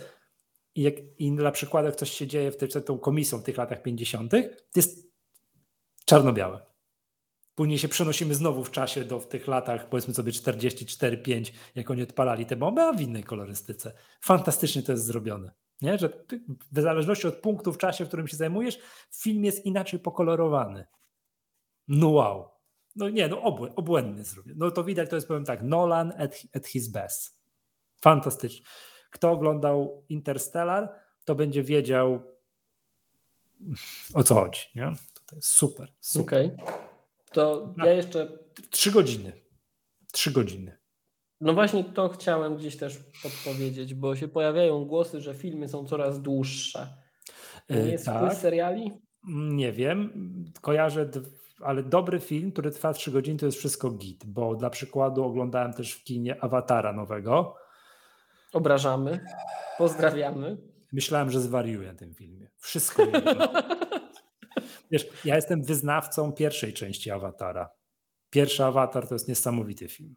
Genialny. I na, skoro pierwszy Awatar był genialny, wyszła druga część, do kina!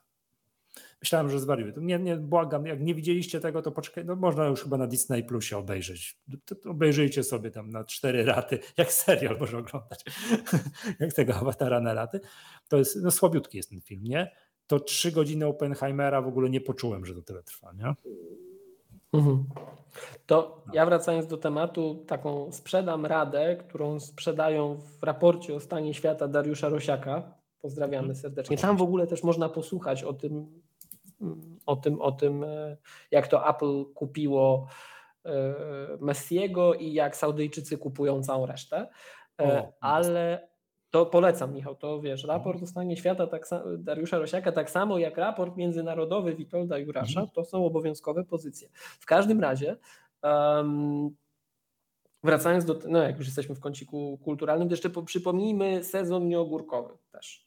E, to trzeba słuchać tego wszystkiego, ale wracając do tematu, to takim, takim tipem, który jest um, przez, przez, przez Tomasza Rożka z kanału YouTube'owego. Czekaj, czekaj, czekaj. E, Michał, przypomnij mi, bo ja teraz wstyd. Nauka, nauka. A nie jest, to nie jest ten od Sądy 2 czy coś tam? Nauka ten? to lubię, tak. tak. Mhm, ten tak, i od nauka. kanału Nauka to lubię. Na, e, Bardzo na, fajne. Mhm. Tak, pozdrawiamy i dziękujemy za to, za, to, za to wszystko. Natomiast wracając, ten patent, który warto mieć, to pójść do kina z dobrym dźwiękiem. Bo dźwięk ponoć gra w tym filmie dużą rolę. W którym? W Oppenheimerze? O, genialny jest. Znaczy w ogóle byłem zdziwiony, muzyka jest fantastyczna. Nie wiedziałem, kto jest y, kompozytorem muzyki. Muzyka jest genialna, a pamiętałem, że w Interstellar to jest Hans Zimmer, więc myślę sobie siedząc w kinie, u, jaka fantastyczna muzyka, ojojoj, jaka rewelacja. Chyba Hans Zimmer. Okazuje się, że nie Hans Zimmer. Nie, wyjątkowo nie Hans Zimmer i czekaj, to już mówię, bo to też jest jakieś tam, czekaj, czekaj, czekaj, tu muzyka. Warto powiedzieć, bo to jakiś, jakiś, jakiś, jakiś Norweg albo inny Szwed, albo, albo jakiś generalnie jakiś ktoś ze Skandynawii. Ludwik Guransson. Przez takie umlaut, nie? To także tutaj. To góral. Tak. Stworzył autor ścieżek na przykład do Mandaloriana, którym tutaj. O, to, to, to, to jest wystarczająca. Mm, wystarczająca dla mnie rekomendacja, tak? I do Czarnej Pantery, to te, tam też jest fajna muzyka. Tak, Ludwig ten Guransson. Tak, i o, genialna, genialna muzyka w tym Oppenheimerze, naprawdę. I to takie, wiesz, rośnie to napięcie, to wybuchnie ta bomba, nie wybuchnie, wiesz, te wszystkie, no tak, no, to nie jest film akcji. To nie jest, wiesz, Bond czy John Wick, nie? To tak, wiesz, no a jednak jest, trzyma w napięciu jak jasna cholera. No, jest, wiesz. I wiemy przecież, że ta bomba wybuchnie i wiemy, na co ją zrzucą później. Nie? A i tak jest. Na pewno, czy jak przekręcą, zrobią to 10, 9, siedzisz jak wiesz. No jednak wybuchło, nie? Od razu jest zdradzę. trochę tak. Nie da się, po prostu się nie da tutaj uniknąć pewnych spoilerów. Nie no, spoilery są. Słuchajcie, w Oppenheimerze ta bomba wybucha w tym 45. Nie pamiętam tam w którym miesiącu i tak dalej, także dali radę. Miłosz, y, proponuję przejść do części niepublicznej. To czekaj, czekaj, jeszcze dla jeszcze masz, no. słuchaczy, no. E, tylko zaraz mi słuchawki padną. E, muzyka, musi być jakaś muzyka, a z tych filmów, z tych nowych horyzontów, jakby się Wam gdzieś udało w jakimś kinie złapać, czekaj Michał, muszę przełączyć słuchawki, bo już całkiem padły, nic nie słyszę. To jest taki ambitny film czesko-polski. To taki, wiesz, myśmy tu wątki polityczne poruszali. To się nie da inaczej. Też mieliśmy. Polecasz film aktualnie, rozumiem, tak? Czekaj, bo mi się włączyło e, coś dziwnego.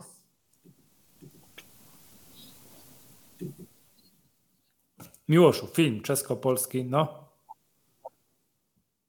Mi się włączył właśnie Miłość, teraz już cię w ogóle nie słychać. Już jest masakra. Ty mnie nie słyszysz teraz? O, teraz cię słyszę, ale musisz... Słyszę, że machasz, ale nie słyszę, co robisz. Do, do czerwonej kulki. Dobra, tak to do czerwonej musisz kulki mieć miłość ten mikrofon jeszcze raz. przed sobą, przed sobą. Nie tu nad głową, tu przed sobą musisz mieć. Dobra, tak. To ja Michał tych wszystkich instrukcji nie słyszałem, bo słyszałem ten film, który chcę polecić. Wszystko w porządku, ziemniaki w żołądku. W ramach kina Nowe Horyzonty polsko-czeskie. To jest jakieś ambitne czeskie kino, rozumiem teraz. To jest bieżąca tematyka tutaj naszych relacji polsko-czeskich. Wszystko w porządku, ziemniaki w żołądku. Zaraz podam tytuł w oryginale. To czekaj. Tu wiesz, przeczytam może, przeczytam może yy, opis, żeby tutaj nasi słuchacze i nasze słuchaczki yy, mogli zauważyć, że my naprawdę nawiązujemy do bieżących wydarzeń E, społeczno-polityczno-ekonomicznych. Ekonomicznych chciałem zauważyć. E, wszechno w poradku, brambory na radku. E, I teraz opis.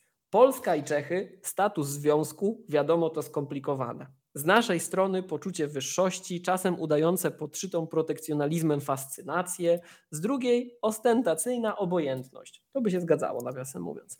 Czasem, jak w przypadku sporu o zanieczyszczenia emitowane za czeską granicę przez polską kopalnię Turów, drobne niesnaski urastają do rangi poważnych napięć dyplomatycznych.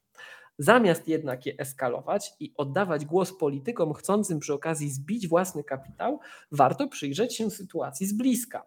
Właśnie z takiego założenia wyszedł Piotr Jasiński, studiujący na praskim FAMU reżyser, ruszył z kamerą do Bogatyni, w której granicach znajduje się newralgiczna kopalnia. Na miejscu okazało się, że lokalsi żyją nie tylko medialnymi doniesieniami, lecz także dorocznym polsko-czeskim konkursem na najlepszą sałatkę ziemniaczaną. Czyżby naprawdę nie istniały problemy, których nie da się załatwić przy wspólnym stole? No właśnie. Więc jeszcze raz, po polsku wszystko w porządku, ziemniaki w żołądku, a w po czesku wsechno w poradku, brambory na radku. Oglądamy. To to. I jeszcze tradycyjna playlista dźwiękowa. I dzisiaj w playliście dźwiękowej e, Michał, będziemy mieli e, nową gwiazdę w pewien sposób. Thomas Wendt, taki jest pseudonim artystyczny tego artysty, bo z tego co zdążyłem wyczytać chyba na Apple Music, jeśli dobrze pamiętam, to jest Polak w ogóle. E, I jego utwór The, The Pink Theme.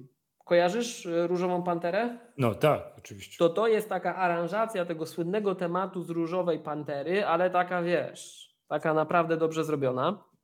I od tego samego artysty Old Number One, Play, ee, no i może tyle. I może tyle. Te trzy dobrze. tematycznie utwory od jednego wykonawcy. Dodamy. Tak jest. Dziękujemy bardzo. To była Magatka, podcast serwisu MyApple. Ja nazywam się Michał Masłowski. Z tej strony Miłosz Staszewski z K7. Do usłyszenia. Do usłyszenia.